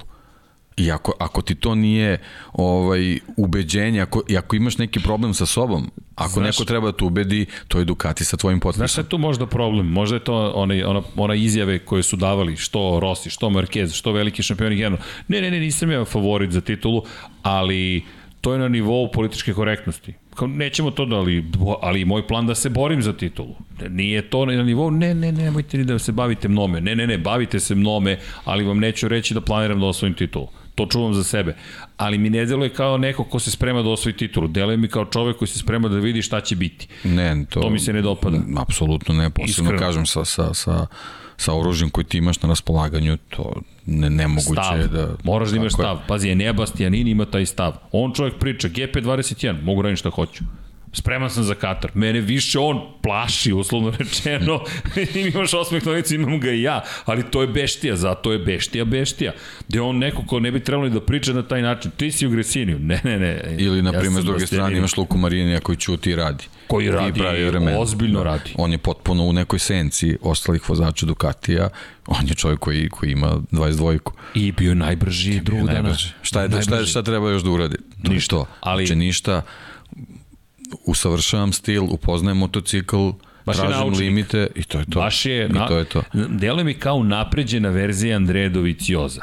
Dovoljno agresivan da uđe u, u duel, a opet nije poput Valentina Rosija, nije poput brata neko ko samo želi da, ne samo, ko privlači pažnju, Rossi uvek uživa da, pažnju. Da, nije, pa ne, Marini, ne, ne, gradi, ne gradi... Ne, taj imidž ne. Ne gradi ni taj imidž, ne, ne gradi svoj napredak oko toga, nego da. to je fokusiran na rezultate, ali, ali se uklapa u tu novu generaciju. Mislim, Jeste, jednostavno, svi su to je, po tom pitanju slični. Otprilike su tu, tu su, sli, svi su slični, Fabio malo, malo odskače, ali od Banjaje sam očekivao malo onako tresitije neke izjave, eto, to je jedino. Kao, kao, da, kao da sa tim izjavama pokušava da, eto, o, smanji pritisak. smanji pritisak i da kao možda pronađe libi za neku situaciju. To uopšte ne želim da da da to nije dobro. Ne želim da tom izjavom to pomislim, a, a meni je to palo na pamet. Već da, to nije dobro, to znači da se spremaš da izgubiš. Da. To se spremaš za neuspeh. Ide, ideš na stazu gde gde moraš da dominiraš. Nema šta. Budimo realni, moraš da dominiraš. Da, posebno, Yamaha posebno ako dolazi posle ta mandalika gde može da bude neka diskuta, diskutabilna priča oko Ducatija. Znači, tvoja prva trka, 25 bodova i to je to. I onda ideš u Argentinu. I onda ideš u Argentinu. Gde nisi bio. Gde nisi bio i gde je zadnji guma i te kako će da radi i onda dolaziš, idemo u Ameriku, gde ideš na Markezovu teritoriju i tek onda stižeš u Portugal. Dakle, ti u Kataru moraš da zadaš udarac, moraš da kažeš ovde je bitka počinje. Bukvalno, ali sviđa mi se ovo za Marini što si rekao, Marini koji i prošli put nekako da ga nismo spomenuli, rekli smo on je miran, tih, i radi svoje, još nije uverio, e sada moram priznati da me kupio ozbiljno i to me podsjetilo pomalo na njegove prve veće uspehe u Moto2 klasi. On je dugo bio brat Valentina Rosija. Dok nije počeo da pobeđa u Moto2-kama, način na koji je pobeđiva bio impresivan. Dosta dominantan i kada god bi bio siguran u sebe, to se videlo, to se održavalo po, na, na način, po načinu koji sedi na motociklu, ponaša se u trci i izgledao je baš dobro. I ovdje, put, i ovde izgleda dobro i sviđa mi se kada je davo izjavu na kraju, pa moramo da uradimo ovo, ovo, ali sam veoma zadovoljan, elektronika, ali ti vidiš jednog sigurnog čoveka kako zna šta treba da uradi. Baš mi se dopalo, uz Beštiju, standardno Jorgea Martina, koji nisu u fabričkom timu, svi znamo da pikiraju Jacka Millera, to je da Ducati gleda ko će da zameni Jacka Millera, Bastianini, to je, oprostite, podsvest šta ti je, ali daju bukvalno daju na neki način Banjaji podršku, ne na neki način, ne na ozbiljan način podršku, ti si naš čovek, sad samo još ti to da prihvatiš i onda ćemo da vidimo ko će od mlađih ti se pridruži. Inače, pohvale i za Fabio Di Antonija, rekao je da sanja prvu trku i bio u jednoj sekundi od najbržeg. Deki, Od ono jula prošle godine se spremamo za to prvu trku. Moramo nešto da ovaj, uradimo da po tom desi. pitanju, pa da. A, pa da, najmanje, najmanje za ove čitave priče smo u stvari ovaj, videli od, od ekipe Pramaka. Zanimljivo oni isto čute, čute nekako, rade, da. ono, što, šta smo pričali njima, bilo su te analize fotografija gde smo gledali whole shotove kako, da. kako funkcionišu, ovaj, ali, ali dobro, znamo, znamo da je taj Katar ovaj, bio onako eksplozivan za njih prilično prošle godine, tako da, eto, možda oni čute i rade upravo iz tog razloga što očekuju da, da ta prva trka za njih bude ponovo dobra, tako da ovaj eto već već već se tu nešto kristališe ovaj koga trebamo da, da, da pratimo, ali mm, jednostavno funkcioniš izgleda na različite načine. Ne? Postoje, postoje neki koji, koji su, eto, tu su u, u centru pažnje pre svega zato što su ovaj, nalaze se u fabričkim timovima i onda je nekako potpuno prirodno da, da, da se vodi računa o njima. Opet sa druge strane ovaj, u ovim satelitskim ekipama neko pokuša da skrene pažnju nekim najbržim, najbržim krugom kroz, kroz testiranje, neko nekom izjavom, onda treći su izabrali da onako ćute i rade, tako da onako prilično interesantno i, i vidjet ćemo stvari koji, koji recept će ovaj, najbolje da upali. A znamo da svi imaju iste, iste mašine, osim, eto, osim Beštije koji je to uh, vozi ne nešto starije, ali znaš šta, kad imaš motocikl koji je toliko puta pobedio pre samo nekoliko meseci, nema on puno razloga da zabrinutost tu. I ono što sada već postaje običaj, ovo je sada nova staza za Beštiju bila, a bio je brz. Dakle, nema više, moram da naučim stazu. Ne, ne, sada već znam kako brzo da otkrijem tajne novih staza, jer sada već osjećam se sigurno, poznajem motocikl, moja pretpostavka i ono što mi se dopada da Gresini ekipa ovoliko ozbiljno radi. Jer mnogo pa, zavisi od ekipa. Oni su ozbiljna ekipa generalno, da. to, to smo videli smo kroz, kroz rad sa Aprilijom koliko su ozbiljni. To, fabrički tim su bili. Da. Sjajno. Oni su baš Pohvala. onako ozbiljni i ono što si ti potencijirao prošli, pretprošli put kad smo pričali, ovaj, oni dolaze vezano za, za pre svega za Beštiju sa, sa motociklom koji imaju, ima 100% podatke za Katar. Samo je stvar unapređenja. Dobro, bit će, bit će zaista lepo. Ono što, ali pazi, zanimljivo je, prva trka imaju podatke, druga Mandalika, treća Argentina, četvrta Amerika, niko nema podatke za naredne tri trke. To jest imamo sada iz Mandalike neke podatke, ali Argentinu i Ameriku imamo podatke. Ne, zapravo Amerika imamo podatke, ali iz drugog perioda godine, jel tako? To je bilo na kraju. Ok, to će i novi asfalt u Americi. To sad te, to je da novi asfalt je, u Americi. To su, tu se sve menja. Znam da nešto da, mi ostalo u Americi. Menja. Da, da, da, da, da. Osim pobednika, najčešće. Da. Ali dobro, i ostaje nam KTM, deki. Ostaje nam KTM, Pa, mislim, ista meta, isto ostojanje vezano za neku priču raniju, osim eto tog nekog blagog pomaka u, u nekim njihovim izjavama gde, gde, gde, gde ovaj, se pokazuje taj optimizam ali ne znam, mislim da tu ovaj, je moralo mnogo više da se uradi, a jednostavno vremena nije bilo. Meni ovo ne obećava. Nisu se probili u vodećih 10, niko nije odjednom iskočio negdje. U jednom momentu je bio na drugoj poziciji Binder, u jednom momentu se nešto tu kao dešavalo.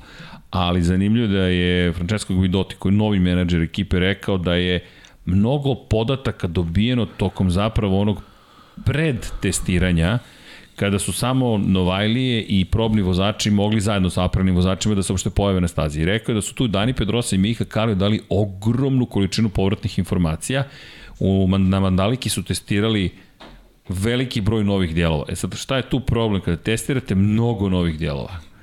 To smo već, već smo se suočili s tom situacijom, da. Koji su zapravo oni koji želite? Pa eto, jedino je jedino, mislim, možemo da, da, da, da nagađamo. Ako su dobili neke dobre povratne podatke od, od Bindera, od uh, Kalija i od uh, Pedrose, možda će na osnovu tih podataka u stvari uspeti da, da slože uh, ne, ne, neku slagalicu koja će dovesti do, do, do dobrog paketa i da je to možda taj optimizam se možda naslanja na, na te motocikle koji su iz te, e, iz te ovaj, saradnje dobijeni, ali ovaj, mislim da nije to, nije to sad neki spektakularni pomak, posebno u odnosu na sve ono šta, šta se dešavalo pre svega pre, pre dve sezone, tako da ne, ne znam, mislim, možda možemo da očekujemo nešto, nešto bolju priču vezanu za kvalifikacije, za taj, za taj jedan krug eventualno, ali neki trkački tempo mi kod njih nismo videli u ovoj priči. Da, i kada pogledaš ove analize, na Brad Binder je jedini koji je zaista izgledao kao svetla tačka u cijeloj priči. Ali šta je problem s Bradom Binderom? Kvalifikacije opet i to što tek pro funkcioniše u drugom delu trke ti Breda Bindera već, sad, sad da sam sebi algoritam u glavu ubacio, druga trećina trke obrati pažnju kad drugi počne. Kad drugi počne se pakuje i on tek počne se tako. Tako je, tako je, ali veruj mi, da. sada imam program za to komentarisanja, ne zaboravi Breda Bindera na dve trećine trke, bukvalno algoritmično, ne šta se zbiva, ne, ne, potraži Breda Bindera i fokusiraj se na njega jer on će nešto da radi. Ali to opet nije, nije dovoljno za njihove ambicije. Pa to je, to su neke obrnute situacije, znači imaš vozače koji se onako prilično trude u kvalifikacijama i onda potonu u trci, onda imaš njega koji se budi pred, pred, pred kraj priče, tako da to za KTM u, u ovoj konstelaciji sa ovim nekim nekim ovaj njihovim mogućnostima nije mislim jednostavno nije dobra priča zato što startne pozicije će biti te koji će tek uh, kad je, kad je reč o njima ovaj, odlučivati kako će se završavati trke a na, na, na ovaj primjeru Suzuki ja znamo šta znači kad, kad, kad startuješ loše bez obzira koliko ti je dobar motocikl. Da, KTM, ok, ostaje. Ono što su rekli, da je za njih najvažniji kvalitet umesto kvantiteta za model koji bi trebalo da ima mogućnost velike modularnosti. Moram priznati, to mene malo brine. Inače, rekli su da, da Sebastian Rise u, u jednom razgovoru za, sa Peterom McLarenom dao nekoliko zanimljivih odgovora na Crash.net, to možete da pročitate, rekao je da zapravo je ono što im je bio prioritet da razumeju bolje kompletan motocikl, šta može takozvani taj kompletan paket da im ponudi. I ono što je meni tu uh, zanimljivo, suprotno onome što je Gvidoti rekao. S jedne strane su rekli nismo imali veliki broj delova i mogli bismo da pucamo na sve strane, nismo to želeli. To je Olivira takođe pričao. S druge strane, Vidoti je rekao da su imali puno delova. E sad, ko kako meri količinu delova, to izgleda da je glavno pitanje. Ono, međutim, što su hteli da učine jeste da su da je motocikl blizak onome koji su imali prošle godine, ali da će malim unapređenjima određenog broja delova tražiti da izvuku maksimum iz motocikla koji su već bili napravili.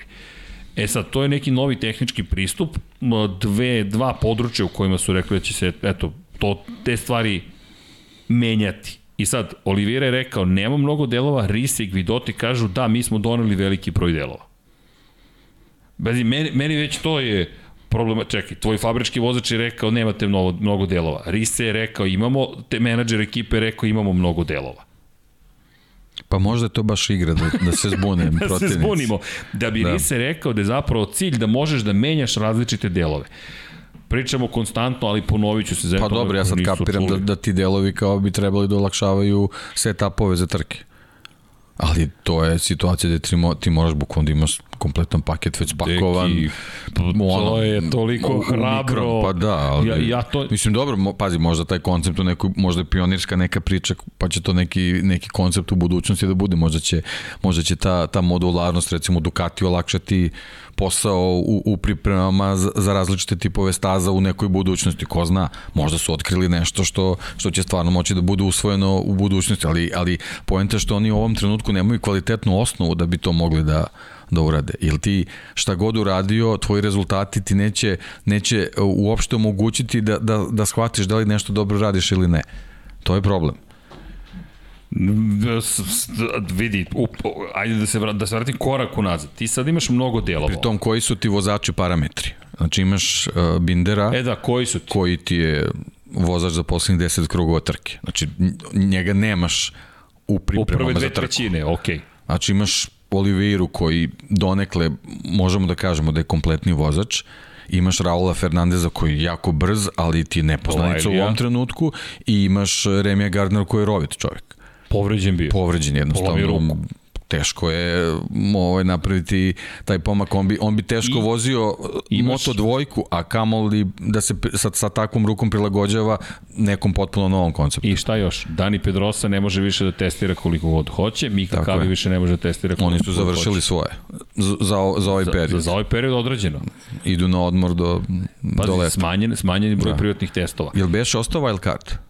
Ja mislim da jeste. Eto, eto ja to, da to će eventualno biti prilika. I, a i sada, ti sad na kraju rise kojim tehnički menadžer ekipe rekao, donali smo mnogo delova i napravili smo drugačiji motocikl od tih delova. Pa možda, možda Oliveira nije dobio te delove.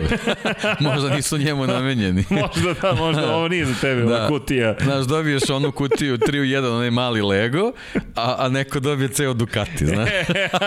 znaš, deo, dete ne, ne, mala, imaš jedno onaj mali a, Lego. A ne, deki, dobiješ da. Ducati, ali dobiješ... E, čekaj, čekaj, samo sekund. Po tri različite...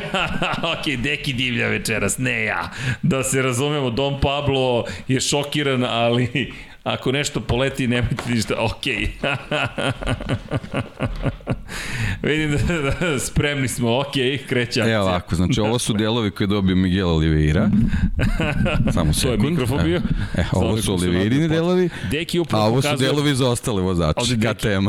Deki je sad probio. Eto, sam probio puno. ne, ne, Nije strašno, dobro smo te, ne, zato što si bio mnogo tih, pa smo te dobro. pojačali. Sad, sad, sad sam prišao, da, evo. Da. Vanja, kompresor moramo da uvedemo, nema šta za jednog i za drugog. Ali, ja sad okej. Okay. Ma, ma Deki, ja sad dobro, sad uvek sam... okej. Okay. To je to, taman, to to, to, je to, to je to. Dobro. Dakle, Eto. Deki pokazuje Batmobil za decu od, ne znam, 3 do 5 godina. S druge strane imate kutiju za uh, sat na zidu KTM, Ne, je samo zbog veličine kutije, to je čisto zbog toga bilo. Ne, ali zamisli da dobiješ ovaj Ducati Lego i da imaš za svaki, za svaki deo po tri kesice. Pa ti biraj šta ćeš da iskoristiš iz te tri kesice. Bukvalno to su uradili i on kaže Mi smo donali... Oliverija dobije jednu kesu. ili, da, ili, ili ni toliko. Ali ni toliko. Ne, i kaže ovako, da, doneli smo mnogo delova, tako da smo na kraju napravili mnogo različitih motocikala od tih delova i uložili smo mnogo truda da ih pretvorimo u zamenjive delove. Dakle, da možete da testirate jedan pokroj drugog i da lakše shvatite šta je pozitivno, šta je negativno. Zatim, nadamo se da kada sve sklopimo, ćemo dobiti najbolji miks. Drugi, druga stvar je bila, citiram, uložili smo mnogo vremena da izvučemo maksimum, to je najbolji iz ovih komponenti. Ne samo tokom testiranja, već u definisanju ciljeva, meta u njihovoj proizvodnji i razumevanju njihovog potencijala. Kvalitet umesto kvantiteta je naš pristup i mislim da je zaista dobro, da je urodilo plodom ok, ako smem da budem skeptičan, neću da kažem da se ne slažem, nisu među vodećih 10, nisu, nisu me baš uverili, imam nekoliko problema, pogotovo iz perspektive bilo kakve vrste analize. Ti si donao toliko delova i ti sada menjaš. Ono što je problem, ovde pričamo o optimizaciji, i ponovit ću sebe, ponovit ću ono što pričam često, optimizacija ne može da se radi po dva parametra. Promeniš jedan parametar i onda vidiš koji su rezultati onda vratiš stari parametar, to je skreneš od nečeg što je osnova, pa staviš drugi parametar, pa promeniš, pa vidiš koji su rezultati. Kad imaš mnogo delova, treba ti mnogo vremena da skupiš te podatke. Dodatni problem, ti moraš to da radiš kroz simulaciju trke. Koliko ti simulacija trka možeš da odradiš? Ako imaš toliko delova, da li si ti zaista skupio sve podatke koji su ti potrebni? Jer to su to su, to, to nisu, to su varijacije, ti, ti, ti sa, sa ponavljanjem, bukvalno. I ti sad dolaziš do toga, su varijacije ili kombinacije, to bi trebalo da su varijacije. Dakle, ti sad imaš varijacije s ponavljanjem, to je, to je beskonačan broj. I ti zapravo ideš na sreću. E to ono što je moj problem, mislim da i, i frapiran sam da se KTM ovako izgubio. Ovo meni ne obećava, moram ti priznati. Jer ti imaš ograničena testiranja privatna, imaš ograničen broj dana testiranja, išao si na potpuno novu stazu od kojih je jedan dan bio potpuno neupotrebljiv, imaš vozače koji nisu 100% sigurni u to što radiš, imaš dvojicu Novajlija i ti ideš na stazu sa gomilom delova gde kažeš, ma mi smo napravili sigurno najbolji miks deluje mi da ćemo imati sličnu situaciju sa KTM kao prošle godine. Biće trka kada će taj miks, Lego će da se sklopi i bit će dobri, imaće trke u kojoj će biti srećne ruke kao na Red Bull ringu Brad Binder i ostalo će biti činilo se da je super i pa, znaš šta me podsjeća? Na Yamahu iz 2018. To je ono, Vinjales i Rossi povremeno su tu, onda sledeća trka su tu, pa su tu, pa su tu, pa su tu, pa su tu. KTM jedini pa jeste, to je i ovo što si rekao, znaš, kao kombinacija tih delova i onda simula, uh, testiranje kroz simulacije trka, ali ti kad pogledaš recimo konkretno poslednji dan Mandalike koje, koje kažemo eto da je možda najbolji dan nešto relevantno, okay. zato što je ta staza bila pripremljena u tom trenutku mnogo da, bolje nego da prethodnih dana. A, oni su u proseku vozili po 20 krugova manje od ostalih. 20 krugova je jedna cela trka. Kad si testirao te delove? Pritom Fernandez je taj dan završio, ne znam, sa 14-15 krugova, čini mi se, on praktično se zagrejao tek. Ovi ostali nisu ni približno vozili krugove koliko ostali, znači ne znam, tu su negde recimo na 70 krugova bili. Znači oni bukvalno su konkretno na, na tom danu Raul testiranja... Raul Fernandez, izvini, sedam krugove vozio tog poslednjeg dana. Sedmi krug je bilo najbolje vreme, mislim da vozio ne, ne, 14 krugova. Evo piše sedam krugova, treći krug je bilo najbolje vreme. Mm -hmm. Aj pogledaj, molim jeste, te. bravo, ja, jeste. Sedam jeste, krugova. Jeste, sedam krugova. A Remi ti je vozio 42. 40 koji je jednostavno fizički limitiran, nije, Tako nije je. mogao više ni da vozi, sve okej. Okay. A ova druga dvojica vozača, mislim da su, to jest fabrički, fabrički vozači, negde u proseku su 70 krugova vozili, yes. što je u odnosu recimo konkretno na Kagamije, na, na, na Kagamije 21 krug manje. Jednu, jednu čitavu trku, trku već imaju za ostatka tog poslednjeg dana testiranja. A navodno a, testiraš kombinacije delova u, u ovaj, simulaciji trke. Tako da to je onako, ne znam, da, da, su, da su oni bili na maksimumu broja krugova, pa kažeš ok, imaju neki... Uložili su puno truda. U, uložili okay. su puno truda, probali su, nije prošlo, pa ok. E sad ovako, ne znam šta, šta se to znači, tipa ne znam, u 60. krugu ste našli najbolju kombinaciju, rekli ste ok, daj da vozimo 7 krugova, aha, to su ti rezultati, ništa pakujemo se, super smo prošli ovo. Ne znam, nije, nije, nije baš ovaj ubedljivo. Dobro. KTM, zaključak. Da. Isti imamo manje više. Isti, isti. Baš isti, isti. zaključak. KTM deluje da je u najvećim problemima. Ali ko zna, ako ih posluže sreća, možda sklope taj najbolji miks i sve odjednom prodat. Ne, možda su ga već sklopili, pa im nije bilo potrebno dalje testiraju. Ne? Ko zna, možda. Možda su eto pametno sakrili neke svoje adute, pa ćemo vidjeti u Kataru šta će se desi. Dobro, blago sam skeptičan da. po tom pitanju, ali, ali Vanja, da li je moment za EPP? Nije jo, samo sekund. Ček, ček, ček, ček. Pa Marka Beceki samo nismo A da, i opet VR46. Da, bukvalno jedini vozač. Pa dobro, zato što smo pričali o jeste, Mariniju, pa smo, jeste, jeste, čisto da, da spomenemo momka, mislim, ovaj, zaslužuje, mislim, on vredno isto radi, da, vredno radi, priprema bio. se, upoznaje se, on je u nekoj situaciji u kojoj su neki vozači bili prošle godine, tako da... Eto, ja mislim da će on biti prijatno da. iznenađenje da. i da ćemo ga vidjeti, na, pogotovo u Italiji, na, na, na dobrim pozicijama ili na nekoj staza koji njemu odgovaraju.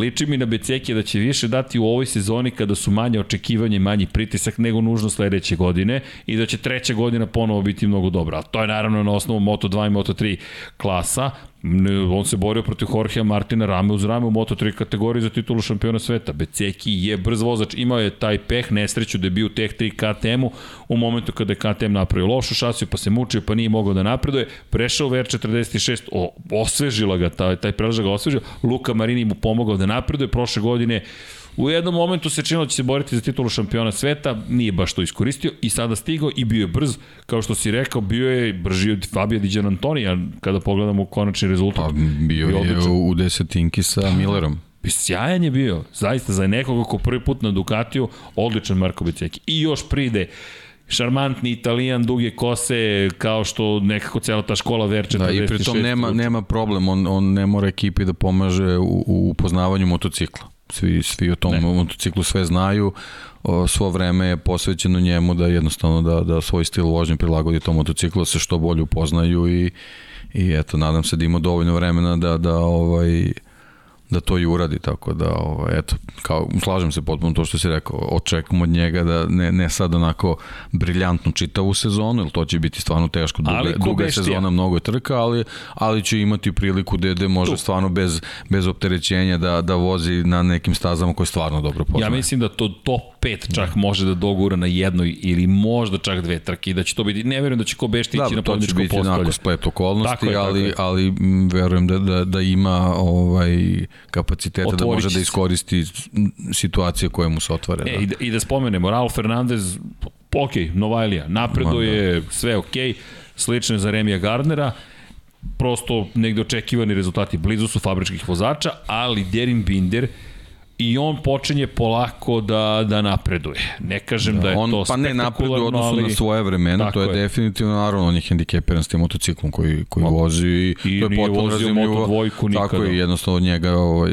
ništa ne treba drugo očekivati, nego jednostavno da pokaže kako to da nazovem, da kažem zrelu vožnju. Pa da, da. Ako pokaže zrelu vožnju, meni će to biti sasvim dovoljno što se njega tiče. Za sad je lepo počeo. Tako je. Dakle, korak po korak gradi neke kockice, vidjet ćemo da li će ga trke poneti i drugo, naravno, ono što ne sme samo da uradi da ne ode u drugu krajnost, da sebe toliko izblokira, pošto ga prati ta reputacija agre, preagresivnog vozača, da na kraju bude neko ko izgubio svoju brzinu. Ali to je sad proces, to je uvek pitanje nekih kompromisa. Tako da, pohvali svakako za Novajlije i slažem se, deki, hvala ti. Marko Beceki zaslužuje, ali i pohvale za ceo tim VR46. Muni dobro izgleda, mislim da će Valentino Rossi biti zadovoljno. Inače, pre dva dana testirao, da spomenem, juče sam to spomenuo, Manji Kuru, Audi je testirao, pa eto, i dalje je u trkama, na ovaj ili onaj način. Ma, ostaće definitivno, nema šta, to je, to je već Već viđeno, znači pa da. ne, neće se završiti na ovoj sezoni samo, nego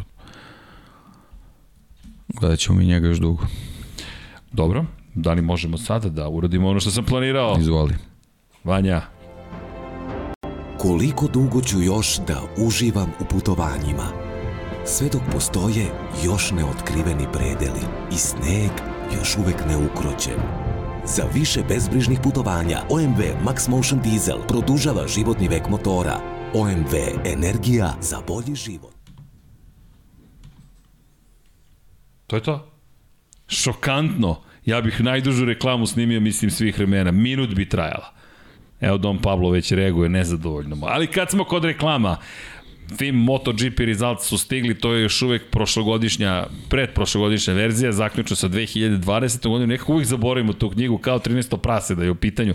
Tu je neki, crveno i crno, naravno Schumacher, Dejan Potkonjak, Kimi je tu negde ili možda i nije, Kimi Raikkonen se tu negde mota takođe, Valentina Rosija završavamo, proslali smo e-mail svima koji su kupci, tako da znate, stvari su pod kontrolom, Markezovci su pitali takođe, a to je, kao će biti neka knjiga, hoće, Tako da znate, kupili smo pravo za njegovu prvu šampionsku sezonu u Moto Grand Prix klasi koja je istorijska, a to je da je prvi čovek od Kenny Robertsa koji je u debitanskoj sezoni osvojio titulu, tako da je to monografija posvećeno posvećena konkretno toj sezoni. To je jedina za sada knjiga koju je Markezi potpisao da su autorizovali knjigu, njegov tim je takođe odobrio da baš Infinity Lighthouse otkupi pravo, tako da eto, preponosni smo, a ko voli Ayrtona Senu, pripremite se i za taj moment stiže još jedna knjiga u izdanju Infinity Lighthouse-a, a pod autorskim perom gospodina Dejana Potkonjaka na vaš zahtev, tako da znate, jesi dopunio izdanje, dobro da pa, da ne pitam. ono,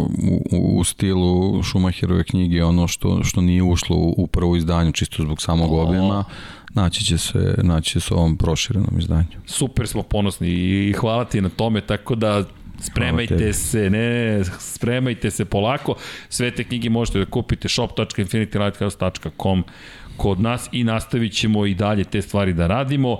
Sad smo još i izveštili se malo po nekim pitanjima, tako da, da znate da ćemo biti ove godine baš aktivni, ali kao da, kao da, kao da nismo bili aktivni. Inače, udrite like, udrite subscribe, možete i join, Dakle, da se pridružite ekipi koji su članovi, a naravno patreon.com kroz Infinity Lighthouse za sve one koji su zainteresovani da nas podrže i na taj način. Hvala svima već za podršku.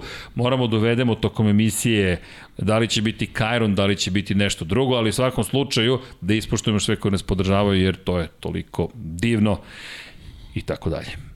Elem, ima još vesti, Moto dvojke i Moto trojke, nekako ih ne spomenu smo celu predsezonu, ali ja mislim da je razlog vrlo jasan, toliko i stvari iz Moto Grand Prix. Drugo, kod Moto dvojke i Moto trojke, vrlo teško je bilo šta prognozirati dok ne dođu na stazu. Svake godine gledamo testove i ti i ja i manje više zaključujemo ko je, ko je vredan i ko se sprema, a ne nužno ko će biti najbrži. Mada moram ti priznati da mi malo skrenulo, na, skrenulo pažnja prezentacija ekipe Pons.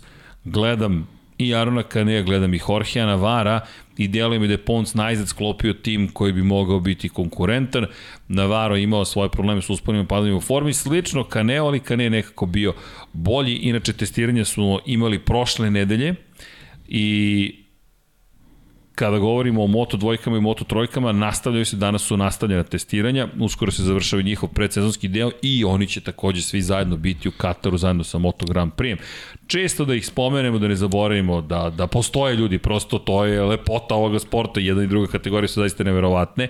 I samo da ti kažem, juče nas je neko pitao zašto Formula 2 i Formula 3 se ne tretiraju kao Moto 2 i Moto 3 u šampionatu zato što nisu ni blizu tog koncepta i samo ću da ponovim 1949. je osnovan šampionat sveta u motociklizmu Kategorija 250 kubika je preživela do 2009 i tada ju je zamenila Moto2 klasa, dve godine kasnije stigla Moto3 klasa, 125 su uvedene nešto kasnije, 500 su trajale do 2001. 2002. ste mogli da vidite Moto Grand Prix motocikle i 500 dakle četvrtakne i dvotakne zajedno, ali od uvek su bili zajedno u istom padoku, svaku trku, izuzetak je bio Laguna Seca u jednom kratkom periodu, kada je, gde je kraljevska klasa samo dolazila i stoga ni Formula 2 ni Formula 3 ne mogu da se tretiraju na taj način. Pošto je neko pitao što ne bismo sabrali titule Charlesu Leclercu, ne može. Ne, ne, nema tog koncepta, oni su ovdje ljudi su svi zajedno i to je jedan padok. Pa i to i te neke mlađe generacije u automobilizmu su nekako rasute po, po raznim kategorijama, tako da jako je teško, a što se tiče motociklizma zna se, zna se kako, kako ovaj, ide taj napredak, znači neko eventualno može da preskoči jednu klasu u, tim vrhunskim klasama vezanih za svetski šampionat, ali generalno se zna kako ulazi, kako ulaziš i kako, kako trebaš da napreduješ i kao što kažeš, to je od samog početka tako i, i svi su nekako i setovani na to, a automobilizam ima neke, neke svoje drugačije priče i, i drugačije tokove, a ovo je generalno u poslednje vreme samo eto ta neka moderna priča da, da su ti šampionati spojeni, ali generalno ne mogu da se poredi. Nije, ne, nije Formula 1 je kvantni skok u odnosu na sve ostalo. Da, i Moto Grand Prix Sama ne, činjenica, ne znam, da šampion Formule 2 ne može da ostaje u, šampionatu. Ne sme da ostane u šampionatu. da. Apsolutno nam je jasno da to ne može tako da, da se poredi. Da, to je nešto što nam se ne dopada, ali tako je. Bukvalno je tako. Jednostavno, tužna je priča da, da, da zamislite da u Moto2 kategoriji neko osvoji titulu i kažu mu ne možeš da braniš titulu. A nema mesta za tebe u Moto Grand Prix. Pa šta da radim? Ne znam, snađi se. A to je trenutna situacija sa Formulom 2. Osvojite titulu, zabranjeno vam je da je branite. Naredne dve godine ne smete da se vratite u Formulu 2, a u Formuli 1 nema mesta i vi odete ili u Indikar, ili odete da budete probni vozač, u, ovom slučaju sa Oskarom Pjastrijem ćemo to imati u Formuli 1, ali vi ne vozite celu godinu zato što ste bili uspešni. Ništa mi, deki, nije jasno, ali okej. Okay. Ako tako mora biti ceo komentar si pa, dao. ne znam, upravo. mislim, jednostavno, ovaj, ne znam da sad ne ulazim u, u, u automobilizam i te njihove neke ovaj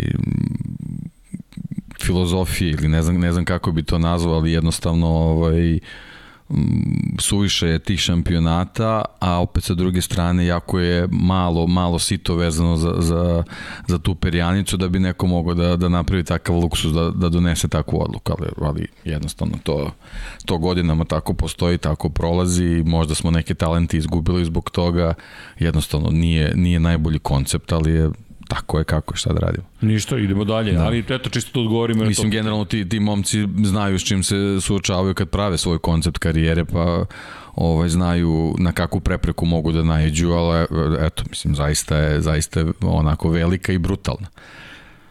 Tako da ovaj ne ne znam šta bih rekao ovaj na, na tu temu osim da stvarno treba da se da se razmisli da da da se nekako ta Formula 2 napravi ovaj nekako da bude drugačiji koncept. Ja ću samo podsjetiti, mislim, mi smo ovaj, Jima Clarka izgubili tako što je čovjek bio šampion Formule 1, a, a takmičio se u trkama Formule 2. Znači, to je nekad, nekad bio šampionat koji je bio prilično cenjen i, i bio je vezan za, za najbolje vozače. Ovako je jednostavno šampionat talenata koji nemaju pravo da možeš, možeš da ih nazoveš veteranima. Znači, ako osvojiš titulu, ti si već samim tim neka vrsta veterana, ti nemaš, nemaš pravo da budeš u tom šampionatu samim tim, da tu je već podvučena crta i, i jasno je ko može da nastupa u Formuli 2 i iz tog razloga jednostavno ne može nikako da se poredi sa, sa nižim kategorijama u motociklizmu. Mislim da si sve rekao. Bukvalno, ali da li mi veruješ da mi je Jim Clark takođe u glavi sa Formulom 2? Da. Jer dugo se nije ja ni nazivala stalno Formula 2. Setim, da. Stalno nazivali se toga setim. Da, Grand Prix 3 i Grand Prix 2 serije. Pa ne, na, na razne načine da. su nazivali, mislim, Formula 3, pre svega britanska je bila u stvari ulaznica za Formulu 1 jedno vreme. Tako da, da nije, nije postao taj, taj koncept onako ujednačenih stepenika kao što imaš u, u, u svetskom šampionatu motociklizma i zbog toga smo, smo u stvari verovatno i sad došli do te situacije da oni malo lutaju, a posebno uvođenjem novih šampionata tipa Formula E ili, ili ne znam tako nešto, već, već su tu vozači onako prilično došli, došli u problem da, da razmišljaju na koji način da usmere karijeru u motociklizmu je na sreću vrlo jednostavno. Imaš, imaš granu koja vodi ka superbajku, imaš granu koja vodi ka Moto Grand Prix-u, a postoji mogućnost da se te dve ovaj, grane isprepletu ako baš imaš neki, neki problem u karijeri vezan za financije ili za nešto slično, ali opet sa druge strane postoji mogućnost da možeš da se vratiš na, na pravi kolosek u, u slučaju da, da, da sve krene kako treba na nekoj drugoj strani. To automobilizam, nisam baš siguran koliko to dozvoljava imamo primjer Nika Hulkenberga. Čovjek je pobeđen na 24 sata Le Mans i tom apsolutno nije ništa značilo da, da može da pronađe konstantno mesto u Formuli 1, nego eto, na neki drugi način i na neku svoju popularnost ili ne znam na šta uspeo je da, da izveze po neku trku, ali na čist kvalitet apsolutno ne. Nažalost. Nažalost tako, tako je stanje. Tako je. Malo je drugačije u motociklizmu, ipak su još uvek neke otvorene otvorene su neke stvari i postoji više timova i videli smo i zahvaljujući angažma, angažmanu fabrika koliko su konkurentni zapravo satelitski i privatni timovi, što je takođe prilično važna stvar. Elem, Dotakao bih se Moto dvojke i Moto trojke. Privatni testovi su u pitanju. Inače, zvanično testiranje će sada biti održano u subotu i nedelju. Međutim, u Portimao, inače, za sada Jerez je poslužio u Andaluziji čuvena staza. 38 vozača smo videli, paralelno testiraju Moto2 i Moto3 vozače, to je godinama nazad važi, smanjenje troškova, zajedno dođu na stazu i imate 38 takmičara u isto vreme na pisti, tako da kažem, ne tumačimo previše vremena, ono što je do nekle problem jeste Denis Fođa, se povredio inače tokom testiranja, a ovde ja mislim da, da, da Dom Pablo, Vanja i, i, i, i, i Deki svi gledaju futbol. Ok. U, sad ovo svo troje udarite like i subscribe na Lab 76 u kojem učestvujete. Dakle, ljudi, ne mogu da verujem. Pola četa ti gleda jednom... Liverpool čoveče. odjednom ja ako gledam vidim nešto se zbiva i sad vidim Dom Pablo kako se naginje preko stola i naginje i naginje. Samo što ne uđu Dekijev ekran. Deki koji jednom ima osmeh preko celog lica. Vanja koji gleda preko monitora ka Dekiju da ga Deki vidi. Okej. Okay. Dobro, pa dobro, šta se zbiva, evo putite me. Ma sve okej. Okay. sve ide kako treba. ja sve ide kako treba. Nothing goes over my head. Samo jako sve preskočilo. Ali dobro, nadam se da ste vi zadovoljni. Delo je da ste zadovoljni, okej. Okay. Da, Haris Osmić, dvotakne mašine, njihov zvuk je e, nenadmašiv. Pa, i ovde 1-0 za Liverpool, 1-0 Deki. 2-0, evo neko viče, je li 2-0 zaista? Nije još, a, pa rano. Drive to Survive izlazi... Zavisi ko na kom signalu gleda. Kaže Boško Desančić 2-0. Kod Evo. mene nije. e, ali pazi ovo, vodi Liverpool deki i MS9993, sad će osmeh. 2-0 je. deki, e sad ja znam pre vas. E, ko prati chat. Dobro, da li ćete kupiti novi BMW Lego? Apsolutno. Apsolutno, nemojte ništa da brinete. 1. marta, nadamo se, kada stigne u, u Lego. Svi izdali Srkije, gledaju Liverpool. e, vidite šta vam je, šta vam je ljubav prema ekipi, ali dobro. Pozdrav Srki, izvini, moram da kažem da je baš bilo ružno da sinoć onako sporavati tim kakav je McLaren. Reč niste rekli o, o Pool Road, pričali ste Aston kao da oni imaju veću istoriju od McLarena. Pa nismo mi, kako smo uh, ni podaštavali McLaren. Prvo smo analizirali McLaren ba evo, vi mi reći, ja se zaista izvinjam ako ste stekli takav utisak, ali i Paja nije osporavao McLaren, naprotiv, pa je žao što McLaren nema svoju fabriku poput Honda ili nekoga da stoji iza njega. Ne, ne, ne, to ste potpuno pogrešno, to vam ne dam. Ovo da smo možda manje vremena posvetili da Paja da vređe McLaren ili ja, nema teorije. Verujte, nema teorije, to vam ne priznajem, to vam je, to ste projektovali ali ono što vam priznajem, mogli smo više da analiziramo e, njihov bolid, ali mi smo McLaren već analizirali ranije. Na, ako se setite, vratite se nedelju dana u napred, već smo pričali o pull rod oslanjanju napred, push rod oslanjanju pozadi, to nismo znali da će biti push rod, i ako se vratite i pogledate ponovo podcast, pričao sam o tome da je meni McLaren zapravo konzervativnošću me iznenadio. Možda je to najbolji put napred, ne znamo, ali da kada pogledamo Aston Martin šta je učinio, da, mnogo više razloga za priču s Aston Martinom, McLaren je bio prilično klasičan i ono što je meni čudno jeste da su toliko nisko spustili krilo, o tome smo pričali, Aston Martin je podigao krilo, oslobodio put ka tunelima ispod bolida, a McLaren je išao baš konzervativno, da nema pull rod oslanjanja napred, ne znam ni da li bismo, i push rod pozadi, to jeste čudno, pull rod obično ide pozadi, push rod ide napred, činjenica da bismo gledali drugo, i drugo, zašto niste u pravu, poslušajte ponovo prvi tim o kojem smo pričali, jeste upravo bio McLaren, rekli smo koliko je važno da očekujemo. Da li mislimo da će osvojiti titulu? Ne, ne mislimo, ali to nije osporavanje tima, to je naša analiza. Pa, Mislim, to prvo treba vidjeti koji je koncept bolji. da, tako je, mi ne znamo. mi ne znamo. Ne znamo, ne znamo. Ali eto, da, da znate, ne, ne, to, verujte mi, evo, ja, ja vam se izvinjam ako ste stekli takav utisak, ali poslušajte ponovo, verujte, to je projekcija. Danas sam retvitovao McLaren Fans, uh, novi web sajt samo za navijače McLarena iz regiona. Šta vam je? Ko može da ne, ne poštuje McLaren ili Williams? To što su u jednom momentu pali, to ne znači da će kod nas ikada izgubiti kredibilitet, makar neko pa i kod mene. Ali, da se vratimo na Moto Grand Prix, neko je rekao i da nismo komentarisali MotoGP Unlimited. Spomenuli smo MotoGP Unlimited prošlog puta, MotoGP Unlimited kao Drive to Survive što izlazi do 11. marta za Formulu 1.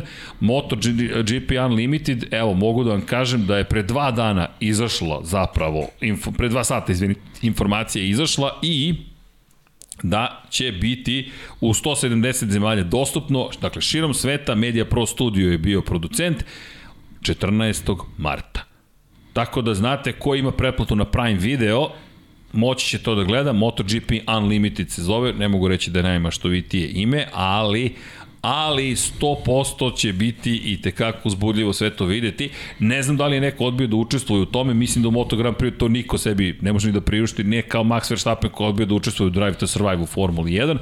Međutim, evo ovako, Fabio Quartararo, Valentino Rossi, Mark Marquez, Francesco Banjaja, Joan Zarko, Maverick Vinales i šampion sveta Joan Mir i imate nekoliko šefova timova, oni su koji su pratili prošle godine iz dana u dan. Tako da, u skladu sa onim što je Formula 1 sa Netflixom uradila Drive to Survive, MotoGP Unlimited će biti tu, doku serija kako je zovu, a neko je danas tweetovao da li bi sport klub mogao da uzme prava za e, Rosijeve priče, pa ćemo i to pokušati nekako da obezbedimo za televiziju, čisto da znate. Pošto su dostupni trenutno na dostupni su na motogp.com i na YouTube-u. Evo, Don Pablo mi kaže i YouTube, tako da idite na YouTube zvanični kanal. Tako da, da, da, nemojte ništa da brinete. I još jednom, ne zamerite što sam otišao na Formulu 1, ali te McLaren da ne poštujemo, šta mi još paja, da vije na Sene, da, da nije jednu sezonu proveo čovek u Williamsu na kraju, nažalost izgubio život u Williamsu, prva asocijacija mi je McLaren. Mada, jedan od ovde grafita u McLarenu, McLarenov bolid je na zidu, ali on u kombinezonu Williamsa i Dušan kom je posvećen taj grafit kaže, ali Williamsov kombinezon i pričamo, ali u njemu je otišao. Kao, ok, možda je to prikladno. Tako da, Bez brige. Mi ovde samo imamo ljubav, ne, ni, podašta, ne, ni podaštavamo apsolutno nikoga. Elem, MotoGP Unlimited, pa to jedva čekamo da vidimo kako će izgledati. I to je učenje, a doći će posle početka sezone. To je u redu. Hmm. Baš me zanima kako će to da izgleda, deki. A zaista me živo zanima i šta će nam sve zapravo otkriti? Pa da, ali ne, ne, ne smem da očekujem da se ne da, da opekne, okay, okay, Ajde, bolje, okay, okay. bolje da vidimo, pa da nas prijatno iznenade.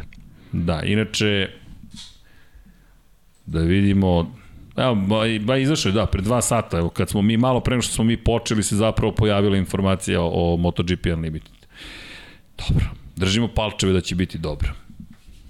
U svakom slučaju neke nove informacije ćemo dobiti, kao što u Drive to Survive, koliko god da je pisanje tog scenarija napravilo priču koja nije baš, rekao bih, potpuno autentična, ta priča kao ko će biti najbrži španac na velikoj nagradi Španije između Alonso i Carlosa Sainca. Fernando Alonso kako zaista to im je takmičenje, ne, nije, ali neki scenarista je napisao da to deluje dramatično. Bio sam šesti, bio sam bolje da... Zaista, to je uspeh, ok. Tako da, eto, to držimo palče da, da toga neće biti. Mada će biti, morate priznati, dva, dve, naravno, priče, rođendanci. Valentino Rossi, njegova poslednja sezona. Jedva čeka da vidim šta su tu sve snimili I s druge strane, Mark Marquez u sezoni povratka posle povrede i još jedna povreda. Da, vezane su im sudbine, koliko, čak i taj njihov animozitet je veza njihova, od toga da je jedan bio navijač jednog, da su, toga da su postali neprijatelji i da ih deli jedan dan kada je reč o rođendanima, do toga da eto, u završnoj sezoni svoje karijere Rossi ima situaciju u kojoj i Marquez neko koga i tekako pratimo i gledamo. Pa Dobro. to je onako baš, baš dobar parametar ovaj, na osnovu kojeg ćemo da, da ovaj, to je na osnovu kojeg će autori da izgrade rating ili ne. Da. Baš je onako, da. mislim, super je sezona bila vezano za, za scenariju, mislim, svako bi je poželeo, ali opet sa druge strane, baš onako tanak led, ako ne, ne uradiš to dobro, da, da, da, da. završio se da, priča. Da, da, da. E, ne, ovo je, ovo je baš ozbiljna priča baš iz te perspektive. Ti si dobio poslednju sezonu Valentina Rosija i sezonu mučenja Marka Markeza. Ne, nećeš imati više Sa takvih usponima i padovima. I tri pobede. I cela priča u Valenciji kada se Rosija oprašta od celoga sveta. Ako to ne iskoristiš, ako to ne uradiš kako treba, teško ćeš vratiti Sve im se namestilo bukvalno. Sve im se namestilo. Zicar su dobili. Sad moraju da, da, da, da to urade kako treba. Dobro, eto, spomenuli smo MotoGP Zato limit, kažem, hvala za kritiku. Ništa, bez očekivanja, ajde da pogledamo, tako, tako pa vidjet ćemo. Tako je. Dakle, uh, vidjet, ćemo, vidjet ćemo kako će to se izgledati. Inače, da li će biti u 4K, nemam predstavu. Dakle, Večeras i sutra MotoGP Unlimited u Parizu i u Madridu ekskluzivna premijera, tako kaže na MotoGP, ima na Instagramu i MotoGP sajtu. Da, trenutno možete da vidite kako su zapravo se okupili svi, i imate da, na Instagramu, ali eto, za nas malo ćemo morati da čekamo. Možda će biti nekih promena. Možda prvo da vide oni koji su učesnici u celoj priči. No, prelepa stvar zato što dobijamo novi, novi, novi, novi, novi prosto uvid u Moto Grand Prix i to baš, baš volim. Eto. Moto 2 i Moto 3, samo da, da napomenemo, čekamo rezultate, nismo ih zaboravili, aktivni su svi manje više. Da. Mene samo brine to, ta priča oko, oko Mandalike i te opasne staze, to mi onako, kad, kad, da. kad, kad se ta rečenica ovaj, spomene, ja se odmah setim dvojki, trojki, ovaj, to je isto jedna stvar u kojoj da, bi Moto, Moto Grand Prix morao malo, priznat, malo da, da razmišlja i kad se pravi kalendar trka da, da se ne gleda samo Moto Grand Prix nego i, i niže kategorije. Da, inače ovde se vozi i kup talenata Azije, što opet niža kategorija, vozilo se trka u svetskom šampionatu u Superbajku, svi obožavaju stazu, ali činjenice da su rekli da je pogotovo sektor broj 2 veoma, veoma opasan. Inače, 110.000 ljudi je kapacitet same staze i očekujemo da ih toliko budu, zavisnosti naravno od situacije sa pandemijom. Ali ukoliko bude moguće da, da publika prisustuje trci, ve, pa, očekujte... Spektakl najavi, da, nema šta. Da, baš pravi spektakl. I onda kada na sve to dodaš da bi trebalo da putujemo u Argentinu koja dugo nije imala trku, 3. aprila. Isto staza koja onako nije jednostavna. Nije jednostavna. I onda 10. aprila, 7 dana kasnije idemo na Kotu, se stazna Novu Amerika, kotu. Novu kotu, obećava. I onda Evropa otvara se 24. aprila velikom nagradom Portugala.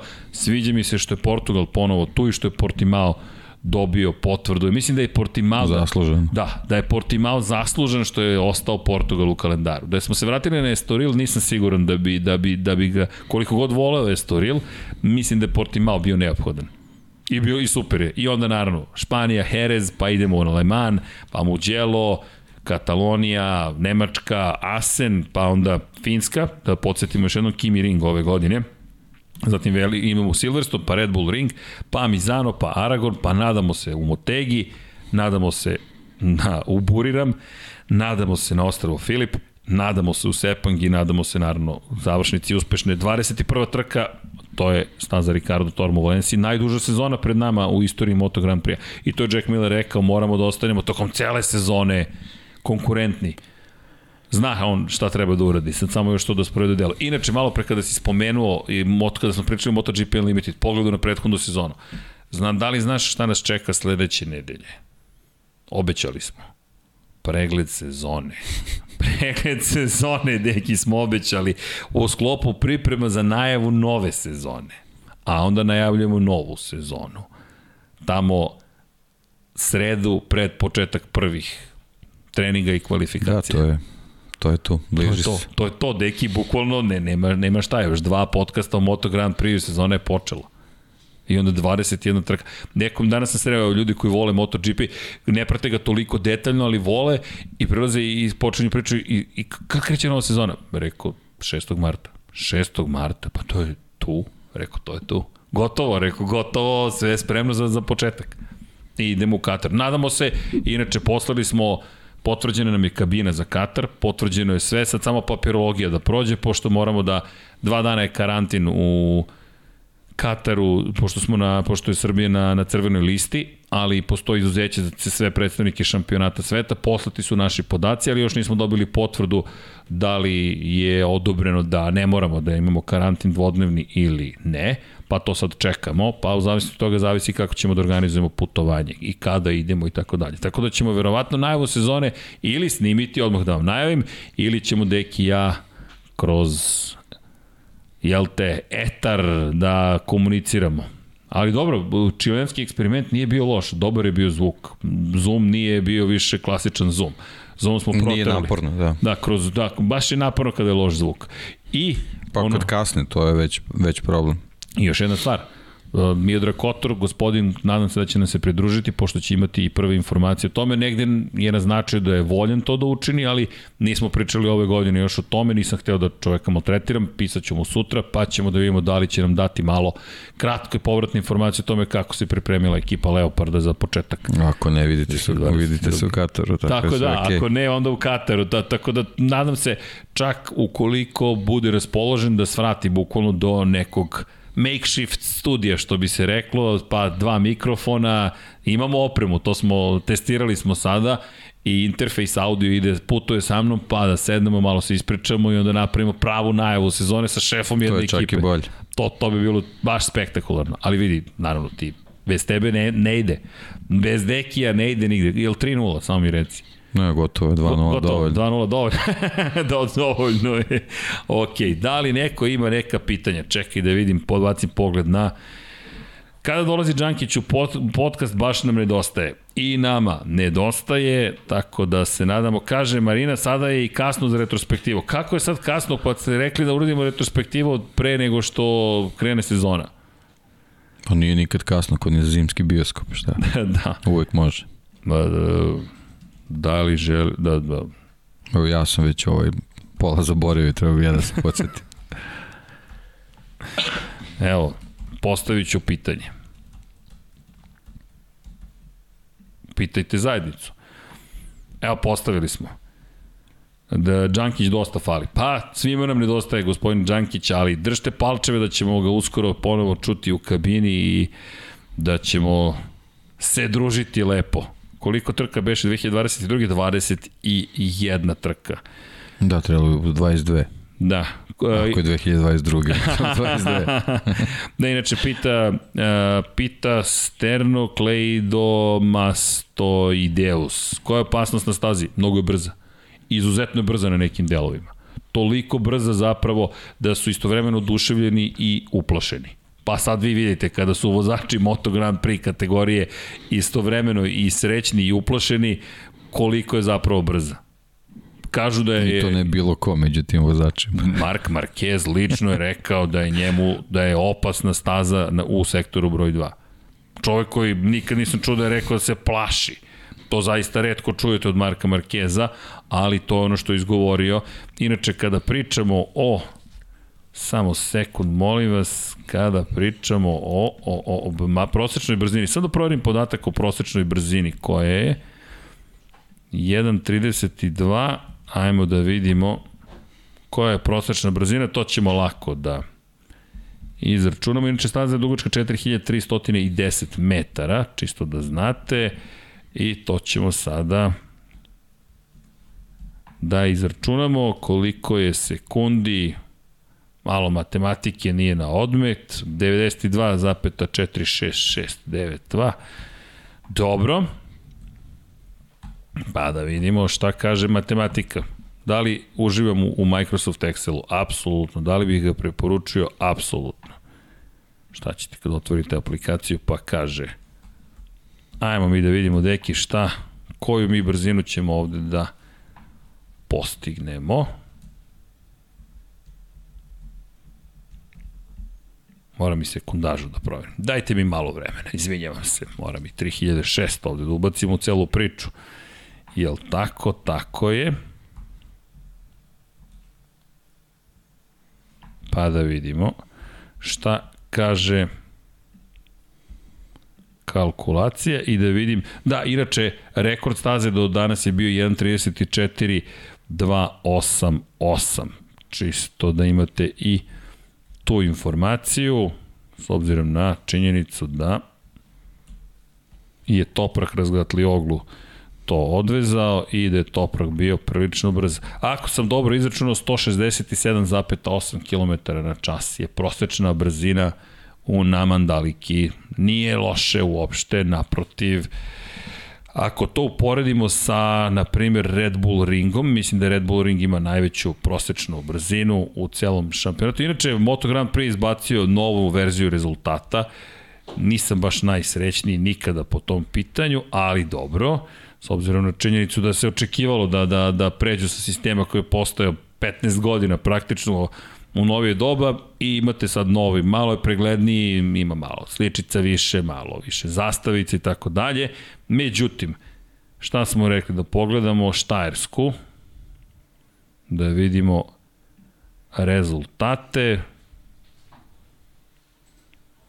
prosečna brzina, šta kažu za prosečnu brzinu, ne, ovo je prosečna maksimalna brzina, ali bi trebalo da bude negde oko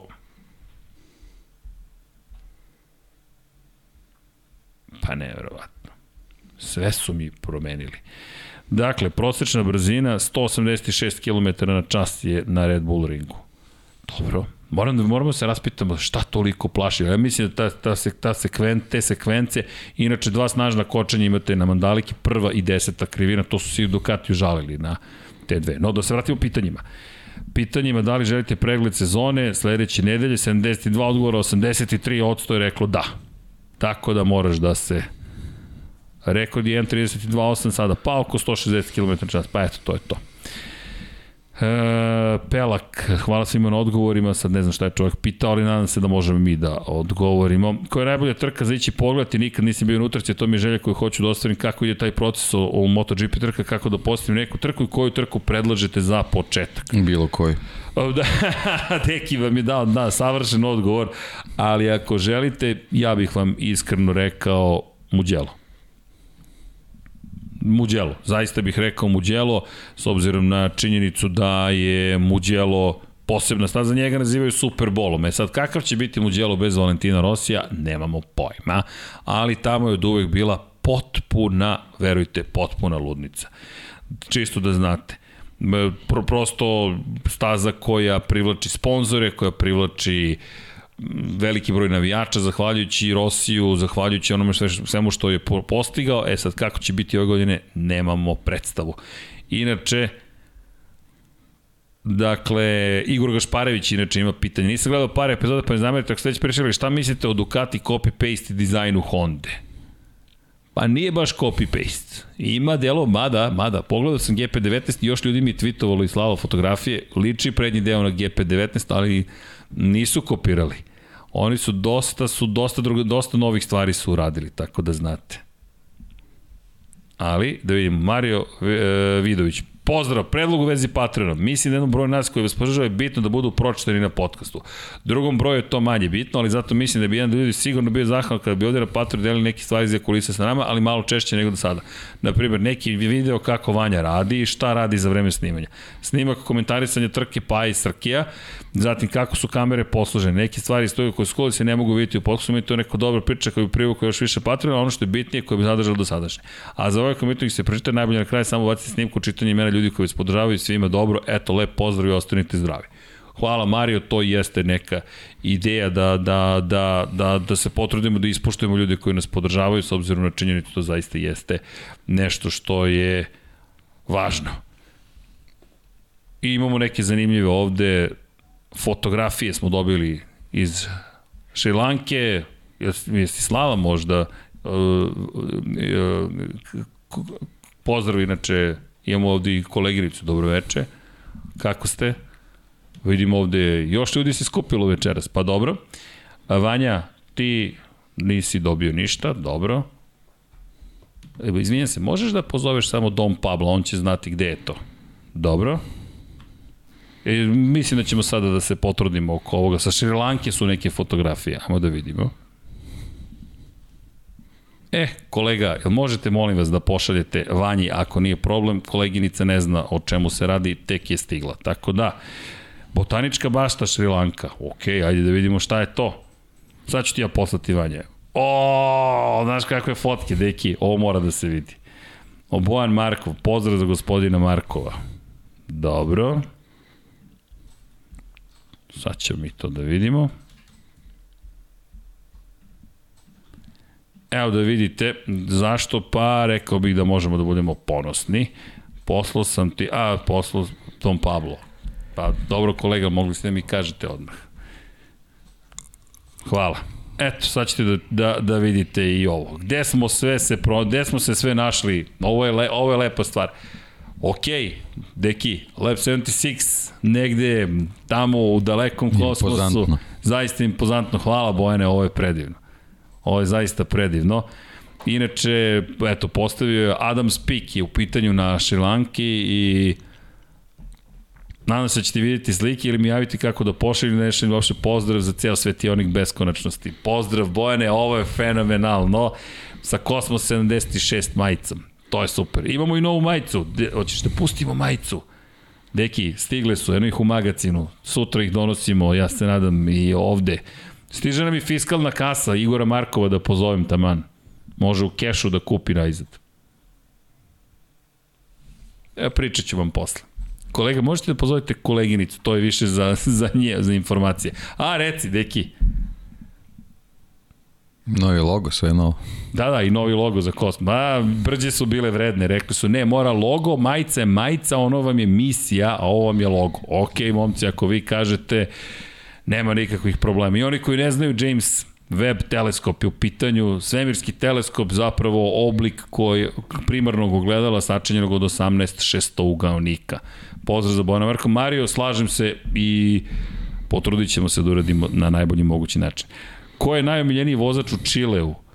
Ljudi, vrlo je jednostavno. Evo, možete da pretpostavite koje nalepnice su na gotovo svakom motociklu u Čileu.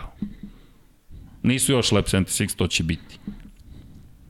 I sad se ne šalim, bukvalno gotovo svaki kurir koga sam video, svaki skuteraš, svaki motociklista imao 46 na svom motociklu. U Čiloju koji inače trebalo da ima trku svoju Moto Grand Prix-a, međutim pobunili su se protiv izgradnje staze u Komšiluku, rekli su da će biti previše glasno i onda se odustalo od projekta, sad je država na nekoj raskrsnici gde će da ode, pa tamo je čudna situacija, ali bukvalno ne znam da li sam video motor na kome nije bila nalepnica broj 46. Čisto iz perspektive toga kol šta je učinio Valentino Rossi za popularizaciju tog celog sporta. Kako je stanje, inače, Marka Markeza fizičko, pa znate šta, na osnovu svega što smo videli, on deluje spremno. Pa da, deluje da je povreda prošlost, je. sad je samo stvar ovaj, izgradnje te fizičke kondicije i prilagođavanje ovaj, stila vožnje tom mot motociklu koliko je neophodno. Ali mislim da su povrede prošlost. Da, da, zaista deluje zaista tako deluje. Bukvalno tako deluje. I s obzirom na činjenicu da ovo su ozbiljni brojevi krugova, da rezultati su ozbiljni, on kad daje intervju ne deluje umorno, ne deluje preznojeno, nema više onog crvenila nema u licu. nervoze. Nema nervoze, tako je. I meni se čini da, da je uradio bukvalno sve kao da je jedna uobičajena sezona pred njim. Mi smo se pitali da li će se pojaviti u Sepangu. Onoga momenta kada smo videli 65 krugova u Portimao, već smo znali, ok, ovaj čovjek je spreman. I onda otišao u Sepang, vozio dva dana u teškim vremenskim uslovima, tamo je uvek teško voziti. Sada otišao takođe na mesto koje je prilično vlažno, tri dana vozio i to je to. Bjelmin Žuljko pita gde je Paja. Paja ne dolazi u Moto Grand Prix još. On je formulaš, tako da utorko možete uvijek da čujete Paju, kada će se desiti onaj podcast iz, iz kafane? To je još uvek neka enigma, ali držimo palče da će biti. E da, inače, Pelak, a i svima koji pratite Moto Grand Prix, ako budete išli na trke, e, mi ćemo, ekipa sport kluba konkretno će ići na šest trka ove sezone. Dakle, zna, mi ćemo vas obavestiti na vreme kada, gde smo i tako dalje. Daćemo vam e-mail gde da se javite kako bismo pokušali da organizujemo ukoliko Dorna to dozvoli, to ne znamo zbog covid i zbog naravno pravila koje će određena država odrediti, gde, gde je trka. Potrudit ćemo se da vam, to je bio običaj do kraja 2019. otvorimo vrata padoka i omogućimo vam da eventualno i upoznate svoje vozače. Da li će biti moguće, ne znam. Skeptičan sam s obzirom na činjenicu da je pandemija još uvek tu, pa je tu, ali ukoliko bude prema onome što smo do sada čuli, morat ćete da imate PCR test, za taj dan ili možda dan ranije da biste mogli da uđete u padok. Ali još uvek nemamo potvrdu, no svakako ako budete na trkama javite nam se, makar mi možemo da se nađemo van staze negde, popijemo čaj ili kafu i malo se družimo. To je bio slučaj i sa u Mizanu, tako da pozdrav svima i s nekim ljudima u Valenciji. Tako da eto, Pelak, obavezno se javite, pomoći ćemo im s nekim informacijama. Kada rečemo u dijelu kupovini karata motogp.com, tamo se po, prosto prijavite da vas obaveštavaju i kupite karte što ranije, s obzirom na činjenicu da, da pogotovo za Italiju su mnogo jeftinije ako ih kupite na vreme, Italija inače ima vrlo visoke cene. I još jedna stvar, u zavisnosti toga za koga navijate, Ne znam kako će biti ove godine, na klub obožavalaca Valentina Rossi je uvijek bio na prvom, na prvom, na prva dva praktično brda ste mogli najviše da ih vidite, mada mu je generalno bio žut. I imate Ducatijevo jednu tribinu, na Red Bull ringu imate vrlo ozbiljnu KTM-ovu tribinu, što je negde i logično, ali generalno svaki klub obožavalaca Markezov, Vinjalesov, ili bilo kog drugog, trećeg, četvrtog, petog vozača ima neke svoje pozicije, pa eto, to isto. Saznajte da vam ne govorim sada na pamet za svaku stazu, ne znam da Aki Vujke, Srki, važili još uvek ono mišljenje od prema Markezu i tituli. Ja sam rekao da, kada ste me pitali, da da li će ko će osvojiti, ja sam rekao Mark Marquez, prosto to mi je neko, bilo bi sad suludo da kažem promenio sam da, da, da, to, da to radim. E, inače, Viktor Karakolev, svaki prati MotoGP od 2000. godine, im predstavlja će ove godine bude pravi show. Sve karte su otvorene, isto tako mislim da će da i Rossi van staze bi mogli da ima veliku ulogu u, u, u borbi za titul. Deki, šta ti misliš o ome za Rosija? Pa ima, imaće neku ulogu sigurno. Samim tim što je, što je ekipa tu zna se ovaj kakav utice Valentino Rossi može da ima na, na, na bilo šta, tako da svako njegovo pojavljivanje na, na stazi neki uticaj donosi sad. Ne znam koje su insinuacije, ali Valentino Rossi, Valentino Rossi. E, lepo rečeno. I mislim da će da već sada utiče u velikoj meri na pripremu svojih, svo, svojih momaka, to jest svojih klinaca. Samim tim dovođenje velikog sponzora posle otkazivanja prvog velikog sponzora, sve je jasno. Koji inače našao svoje utočište u Aston Martinu, tako da je Aston baš Martin čudno, baš da. čudno, ima novog sponzora. Branislav Dević, da li ćete otkupiti od Meta Oaksley Stealing Speed? Zašto da ne? Meta Oaksley, evo je ovde knjiga, najveći skandal špijunski u istoriji motosporta. Ima i ovo. Zen i umetnost vožnje trkačkih motocikala ozbiljno delo Meta Oxley. Meta Oxley baš, baš napisao neke nevratne stvari. Inače, ovo je priča o Ernstu Degneru. Ko ne zna, Degnerove krivine u Suzuki se zovu po čoveku koji je prebegao iz istočne Nemačke i MZ-ove tajne odneo u Suzuki. Priča o tome kako su zapravo razvili prve prave trkačke dvotaktaše. E, da li sam nešto propustio, ovde diskusija Formula 1, MotoGP, ljudi nemojte da se svađate, nema potrebe, svi smo mi deo jedne ekipe, ako stignemo odgovorit ćemo na neko pitanje za Formula 1, kao što odgovorimo na neko pitanje za Moto Grand Prix u podcastu Formula 1, nema potrebe da se svađate, sve je okej, okay. ljudi, drugari, budimo cool, sve je okej, okay. svako ima neka svoje interesovanja, postavi pitanje i vozimo dalje. Bahter Durmanov, pozdrav svima, ako bude bilo bio neki wildcard za Valentina Rosija sa kojim ciklom bi nastupio Yamaha ili Ducati. Prvo neće biti wild card, ja sam prilično siguran da stoji ipak deki neće desiti. Kupo, fizička priprema neophodna da biste bili konkurentni na Moto Grand Prix motociklu je na takvom nivou da Valentino Rossi bi morao bukvalno da nastavi trenira kao i kada je bio aktivan vozač. S druge strane, ono što i Marquez pričao, neke stvari ne možete da trenirate u teretani, morate da budete na motoru, a Valentino Rossi do neke prve trke koja bi bila mu djelo, praktično 7 meseci neće biti na Moto Grand Prix motociklu, stoga mislim da neće ni sesti. I bit će isto toliko stariji. Da, hvala neki 43 godine i nekoliko meseci i još jedna bitna napomena, da li bi nastupio za Yamahu ili Ducati, pa verujem da bi u tom slučaju nastupio za Yamahu, Ducati koliko god da sarađuje sa Ducatijem, to jest sa zapravo Audijem sada i tako dalje, nastupio bi na Yamahi jer je izabrao da njegovo zaveštanje bude zapravo odnos sa Yamahom. Ako pogledate fabričku opremu, to je vozače fabričke ekipe, piše Sporting Apparel VR46, čovjek je sada postao robna marka iz perspektive sportske odeće, verovatno će uskoro biti i obuće, tako da ko oblači fabrički tim Yamahe, VR46 sportska odeća. Eto, čisto da znate, veza i tekako postoji i Rossi dan danas zarađuje od Yamahe, tako da znate. Uh, izašao je trailer za MotoGP Unlimited, ne znam da li smemo da pustimo, ali ako budemo smeli, to ćemo da uradimo. Okej, okay. Polako je došlo vreme da se odjavljujemo, ali Deki ima pitanje baš za tebe. Da li ste videli novi Ferrari, Moamer Dostović? Svi smo videli, nemojte da brinete, novi Ferrari koji nije hteo, nije mogao da pobegne od društvenih mreža, videli smo ga i deluje vrlo interesantno. Laza Ilić, nismo čuli deke predikcije vezano za šampionat vozača, reke kad prođu testiranja. Samo kažem. Moćemo danas ili posle ovaj...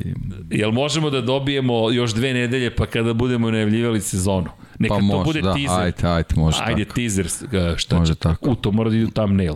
Dekijeve prognoze za 2022. Deki je rekao na početku NFL sezone da u finale konferencije idu Cincinnati Bengals, je tako bilo? Pa ja mislim da je tako. da. Jeste, jeste, ti si bilo? rekao da ideš u da idu u finale konferencije. I, i, ne, nego, ne, mo, neke pare nešto ovde mi dobacuju. Aha, A dobro. to, da, da, da. Dom Pablo, je vi učestvujete u ovome? Ne, samo koleginice, dobro? Dobro. Eto. Branislav Dević, izašao trailer, slažem se, vidjet ćemo da li smemo da pustimo trailer, tako da znate. Inače, 82% i dalje stoji da želi pregled sezone sledeće nedelje, tako da ćemo morati da se podsjetimo svih trka. Gledam sad trailer za MotoGP Unlimited i kao, da, Bastianini kako koči, prebacuje sebe preko glave u Muđelu, to sam zaboravio, Quartararo kome se otkupčao kombinezon u, u Barceloni. Čekaj, to je bilo prošle godine. Da, to je bilo prošle godine. I sad vi nećete ovaj pregled sezone. Nećete pa pregled. kako? Sve sa fotografijama. Ali Vanja, dostavit ću ih tri dana ranije. A ne tri sata ranije. Ili tri minuta ranije. Poštovanje, tako ponekad dođe u situaciju. Da ovde, dobro, dobro, Dom Pablo od, odmahuje rukom, već kaže čovjek od tog filma nema ništa. Ej, ljudi, udrite like. Udrite like, došli smo pred kraj emisije. E, Da li, eto, e, pošto je kraj emisije, da li sada da, na primjer, uradimo sledeću stvar. Dva minuta pročitam Patreone i oni koji su na YouTube-u i onda se lepo pozdravimo sa svima. Na taj način smo ispoštovali emisiju, nismo ništa prekidali, ispoštujemo ljude koji su na Patreonu, pozdravimo celu ekipu i spremimo se polako za završnih nekoliko nedelja pred sezone i naravno za početak nove. Hvala još jednom ekipi iz OMV-a, nastavili su saradnju sa nama. To je Road Arrow, tako da znate, podržavamo i oni nas podržavaju. Ekipa sa Beogradskog univerziteta koja se okupila oko projekta Drumska strela, tu je Kosmos, ne, ovo je 76-ica koju sam obrisao, ovu žutu. Verovatno su moji prsti žuti i Kosmos koji je takođe obrisan, ali da, neko se bunio, zašto si taj računar izlepio? Zar nije lepši ovakav? Vanja, hoćemo da Patreone pročitamo, eto da ispoštujemo sve i da polako se odjavljujemo. Nemojte odmah da pobegnete, čekajte, uživajte, evo uz muziku, Vanja mi dao muziku. Jel treba da pevam? Pokrovitelji na patreon.com kroz Infinity Lighthouse, Sava, Toni Ruščić, Mario Vidović, Ivan Toškov, pa Stefan Dulić, Marko Bogavac, Ozren Prpić, Marko Mostarac, Nikola Grujičić, nisam za hip-hop i za rap, Akse Vučaj, Zoltan Mezeji, Zoran Šalamun, Miloš Banduka, Laslo Boroš, Đorđe Radojević, Ivan Sime Unović, Mihajlo Krgović, Nenad Ivić, Nikola Božinović, Monika Erceg, Omer Kovačević, Filip Banalački i Miroslav Vučinić, Predrag Simić Žorž, Stefan Vidić, Mlađan Antić, Jelena Maki, Mladen Krstić, Marko Čurčić, Milan Nešković, Ivan Maksimović, Bojan Mijatović, Petar Relić, Stefan Prijević, ne, Nad Simić, Luka Savović, te mi muzika, Vanja, ispadam iz tempa, Luka Savović, Andrej Božo, Boris Gvozden, Boris Golubar, Mari, oprostite, Zorana Vidić, Luka Manitašević, Ljubo Đurović, Borko Božunović, Đorđe Andrić i sad Aleksandar Gošić, Mirjana Živković, Nemanja Milaradović, Miloš Vuletić, Vukaša Vučenović, Ognjen Marinković, Miroslav Cvetić, Marina Mihajlović, Veselin Vukićević, Jelena Jeremić, Antonio Novak, Stefan Milošević, Nikola Stojanović, Dan Ulaza Liverpool, Jasenko Samarđić, Mihovil Stamičar, Stefan Nedeljković, Zorana Majdov, Josip Kovačić, Lazar Pejović, Benjamina, Nemanja Jeremić, da žena ne sazna, pozdrav za da ženu ne sazna, priča čovek o NFL-u, Boris Kujundžić, Tijana Vidanović, Stefan Ličina, Aleksandar Antonović i Dejan Vujović, zatim Nemanja Zagorac, Đole Bronkos, Aleksa Jelić, zatim ne mogu da pročitam, Aca Vizla, Igor Vučković, Milan Ristić, Branko Misački, Nenad Đorđević i Vukašin Jekić. Ima toga još, ali Vanja me nije stavio još u petlju ili ti popularni loop. Aleksandar M, Žarko Milić, Dejan Đokić, Bojan Markov, Ertan Prelić, Igor Gašparević, Alen Stojičić, depresivni Cody Garbrand fan, Strahinja Blagović, Aleksandar Jurić, Vladimir Filipović, Branislav Marković, Vanja Radulović, Đorđe Đukić, Miloš Tudorov, Žarko Milić, Emir Mesić, Stefan Stanković, Dušan Ristić, Vladimir Petković, Pavle Njemec, Jovan Đodan, Boris Erce, Katarina, Ivan Cegir, zatim Andrej Bicok, Mladen Mladenović, Dimitrij Mišić, Bahtjar Abdurmanov, Andrej Andrej Branković, Nebojša Živanović, Jugoslav Krasnić, Nenad Pantelić, Vlada Ivanović i 16 tajnih pokrovitelja. Ali nismo završili, imamo i one koji su nam se pridružili. Gde mi muzika nestala? Ukinu me Vanja. O. Hvala deki. Hvala deki. Hvala, loše pevam, ali se trudim. Za svadbe ćemo se lako dogovoriti, zovite nas na karaoke. Eto, to možemo na primjer da nazivamo karaoke. Emir Dugić, Tatjana Lemajić, Serbia Hair Open, opa, Serbia Hair Open, ovo moramo da podržimo maksimalno, pogotovo ja. Veselin Vukićević, Igor Ilić, Stojan Sabo, Mladen Dukić, Marko Bogovac, Branislav Dević, Vukašin Vučenović, Resničanin, Almedina Hmetović, Nemanja Labović, Mladen Mladenović, Nikola Ivanović, Aleksandar Kockar, Miloš Z, LFC, Slavi Večeras, Dragan Juzbašić, Nikola Smit, Nemanja Radović, Zvonimir Papić, Ivan Božanić, Marina Vlada Ivanović, Oliver Nikolić, Nemanja Krstović, Miloš Babin, Andrija Todorović, Jelena Jeremić, Kalabijao, Aleksandar Nikolić, gospodin koji želi da ostane Anoniman, Petar Bjelić, Milorad Reljić, Nemanja, Bojan Markov, Danilo Petrović, Almir Okić i Nenad Simić. Pusti, pusti muziku, da se odjavimo kako treba. Tu, tu, tu, tu, tu. Ćao svima. Pokušao sam, ali Vanja me odjavio. Left me hanging. Nema veze, Vanja, pusti muziku, ajmo, idemo. Mora ide, a mora ide, o, vidi. Ajmo. Je, dan, dva, tri. Hoćemo na 1, 2, 3. Kad će kraj? Kad će kraj? E, ajde, sad čekamo kraj. Ne, nemam pojma kad je kraj, sada već na osjećaj. Dobro, ljudi, uživate u dobroj muzici. Neko je tražio trailer za MotoGP Unlimited. Evo ga trailer. To je trailer, otprilike tako će da izgleda. Vučenje za kacigu, Jack Miller, naravno, i Joan Mir i tako dalje. Elem, ljudi, nadam se da ste uživali, bio Lab 76, 176, Dejan Potkonjak, Srđan Erceg i naravno vreme da se pozdravimo i da vam kažemo svima 1, 2, 3. Ćao, Ćao svima. svima.